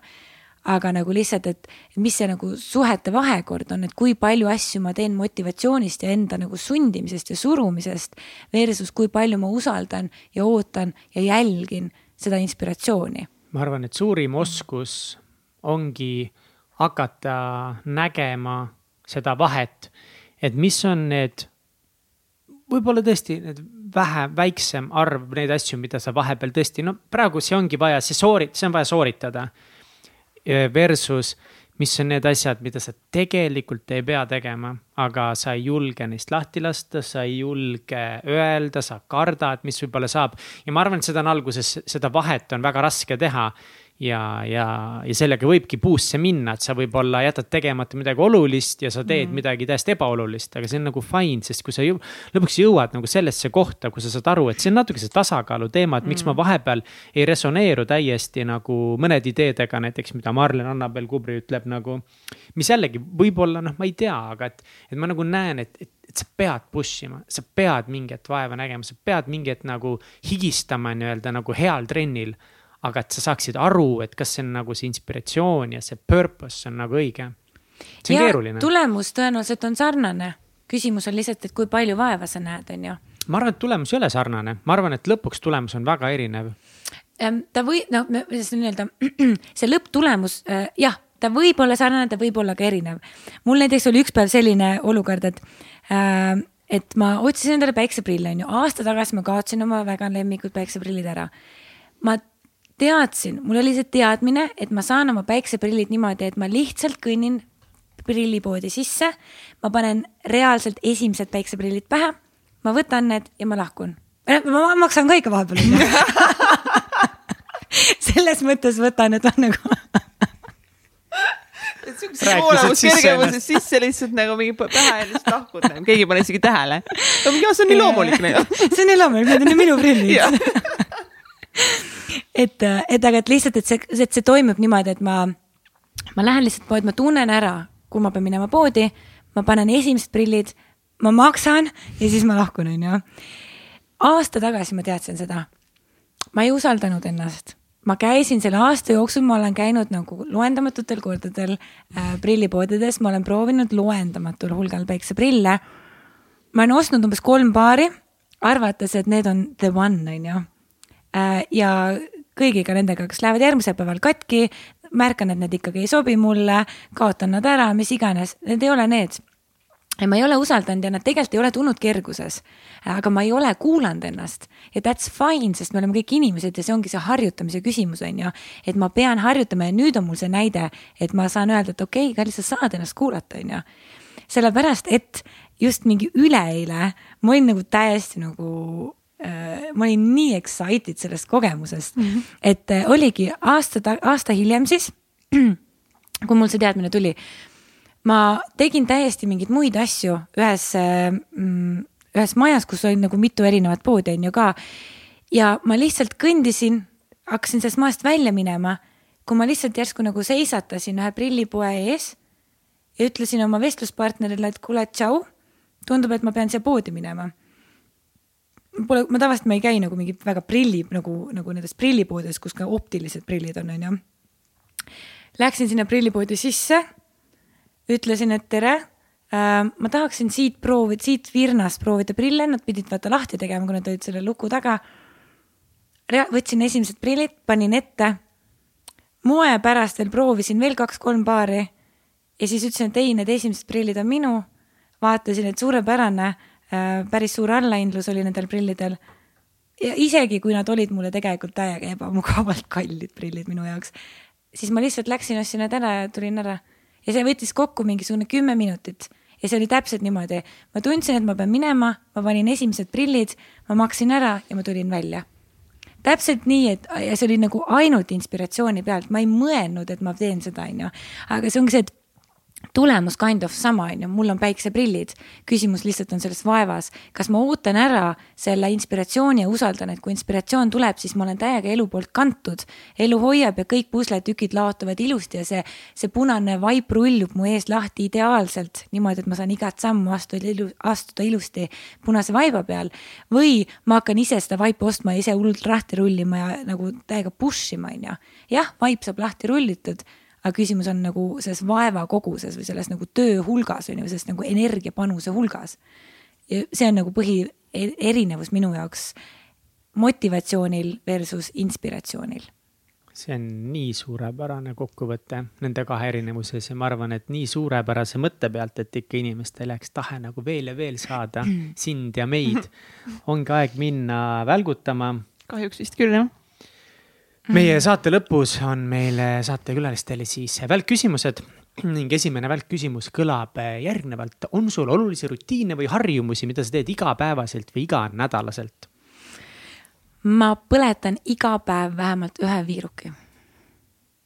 või nagu see, mul on sihuke alt, altar kodus ja siis ma nagu iga päev panen viiruki ja kui ma isegi viirukit ei pane, siis ma panen oma difuuseri ja panen oma ilusad doTERRA õlikesed sinna sisse ja äh, difuuserdan. aga ma arvan, et ma iga päev äh, kulut-, põletan ühe äh, viiruki, mul kulub väga palju viirukeid ma olen mingi püsiklient selles allikapoes ostan tavaliselt mingi seitse pakki korraga.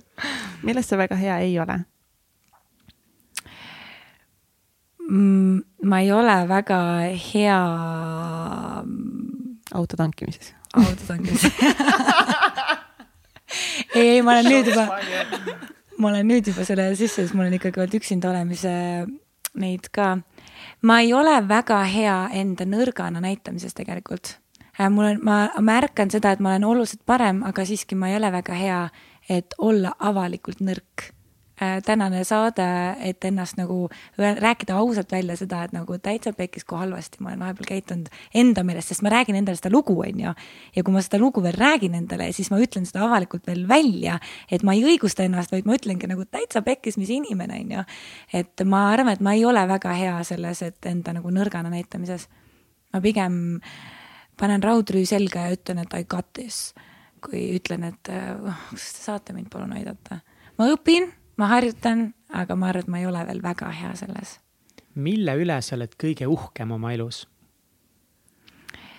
julguse.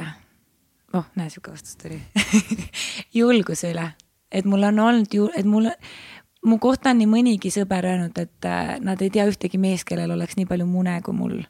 et ma olen nagu kõige nagu, et, et ähm, mul on päris palju julgust olnud just nendes, needsamad otsused, mida teha, on ju ma olen, ongi päris palju olen nagu kardinaalselt muutnud oma elu.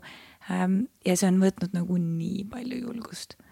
see on nagu palju julgem on äh, minna lahku, kui hüpata langevarjuga alla, mida ma ka teinud koos oma vanemaga, hüpanud langevarjuga äh, lennukist alla ähm,. aga see ei olnud üldsegi nii julge, kui öelda, et ähm, it's not gonna work out või et tulla paar, palgatöölt ära, on ju, või, või kolida eraldi elama või mis iganes, vaata et ma arvan, et julguse üle ma olen kõige rohkem äh, uhke. mis on kõige pöörasem asi, mis sa teinud oled ja kas sa teeksid seda uuesti no ma ei tea, mis see nüüd pöörasem on, et mis, mis tasandil vaata, et äh, et äh, ma olen neid pööraseid asju ähm,. kui ma täna tagasi mõtlen, okei okay,, üks pöörane asi, mida ma tegin, oli see, kui ma olin USA-s. ma olin äh, neljateist, ei kakskümmend neli tähendab ma olin kahekümne nelja aastane, ma olin üksinda USA-s, ma olin LA-s ähm,. kell oli mingi kaks või kolm öösel. ma olin äh, kuskil ähm, baaris linnast väljas oma hotellist väga kaugel, mul ei olnud levi, mul ei olnud internetti, et kutsuda endale Uberit järgi ja ma olin nõus istuma mingisuguse mehega koos autosse, kes oli joonud koos minuga paar õlut. see oli mingi sihuke nagu vanem meester, no mis vanem, ta oli sihuke klassikaline pereisa, klassikaline kiimas pereisa. ja siis äh, ma olin nõus istuma temaga rooli ja üt, uskuma, et ta viib mind hotelli nagu LA kesklinna nagu hotelli äh,. mida ta ei teinud ta viis mind hoopis kuhugi baari, kus ta arvas või kus, kuskile restorani, kus ta arvas, et me võiksime enne veel süü, õhtust süüa, äh, ööd süüa, mitte õhtust, vaid ööd süüa, enne kui ta mind hotelli viib. Mm. Ja see on nagu küll, ma tagantjärgi mõtlen nagu, mida sa tüdruk mõtlesid, et sa istusid nagu LA-s nagu mitte keegi ei teadnud, kus ma olen, kellega ma olen, mitte ke-, mitte kellelgi ei oleks mitte ühtegi niidi otsa olnud, et mind hakata otsima ülesse et, et see on nagu küll, ma mõtlen nagu, nagu crazy ja ma mitte kunagi ei teeks sellist asja uuesti. mis on edu võti? eneseusaldus, nagu sisetunde kuulamine. skaalal ühest kümneni, kui veider sa oled mm,? mingi seitse, ma arvan. aus? kui sa nii ütled kas sul on juhuslikult ka lemmiktsitaati või lemmikütluseid? Aga mul on täiega palju neid, palju meil aega on?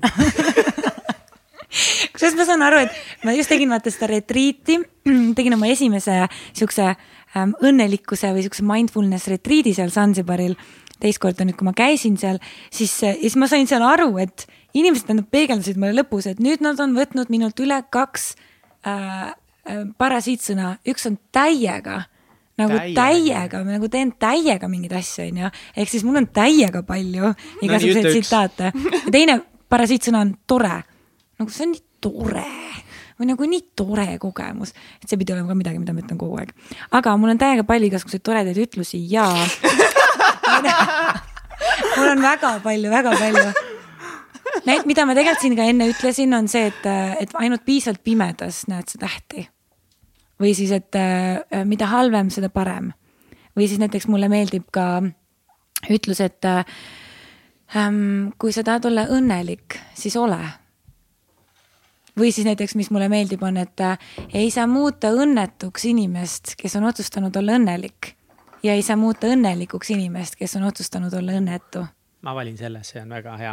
et kõik eh, oleneb otsusest. meil on sulle ka valikut nüüd äh,. Vilja. ennem küsi seda. mis asja? mida, mida ma küsima pean veel?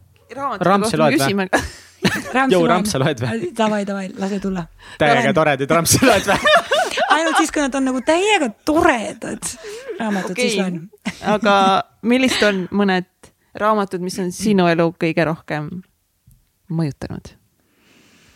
Viimane raamat, mis mind täiega mõjutas, oli ähm, ähm, äh, Mindfuck. ta on tegelikult eestikeelne raamat, nagu ta on eesti keelde tõlgitud, aga nad ei ole tõlkinud äh, ähm, pealkirja, seepärast et äh, mingi ajude kepp kõlaks kehvemalt. see kui poolmuum nagu. nii äh, julge, palun, äh, kui sa juhuslikult oled kirjast teha, tead, jäta ingliskeelseks, sest You gonna fuck it up anyway. ja, ja, ja see mindfuck on nagu täiega, sest et me kõik nagu mindfuck ime ennast ja see oli minu jaoks nagu viimane raamat, mida ma olen lugenud mm., mis mind on nagu täiega mõjutanud.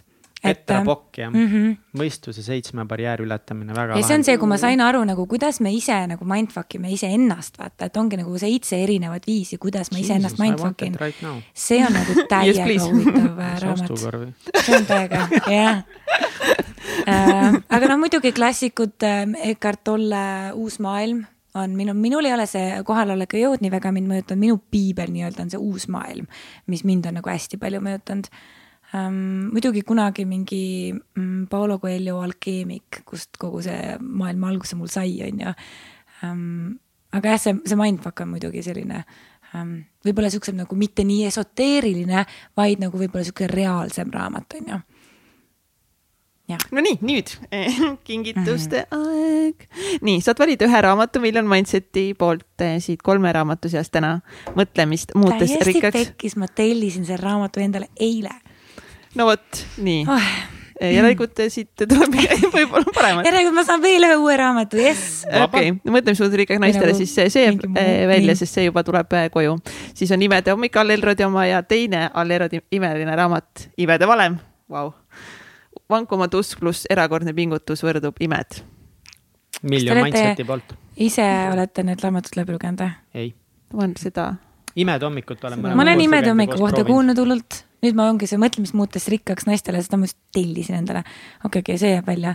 aga ma just mõtlengi, kas nende, nende mm.... see räägib konkreetselt nagu ongi nagu hommikurutiinidest ja kuidas yeah. luua nagu häid hommikuid. aga see? aga see räägib nagu üldisemalt eesmärkide seadmisest ja miks üldse on oluline eesmärke seada ja. okei okay., ma vist võtan selle Imede valem, sest mul on äh, päris konkreetsed hommikurutiinid äh, olemas väga hea valik, väga hea valik.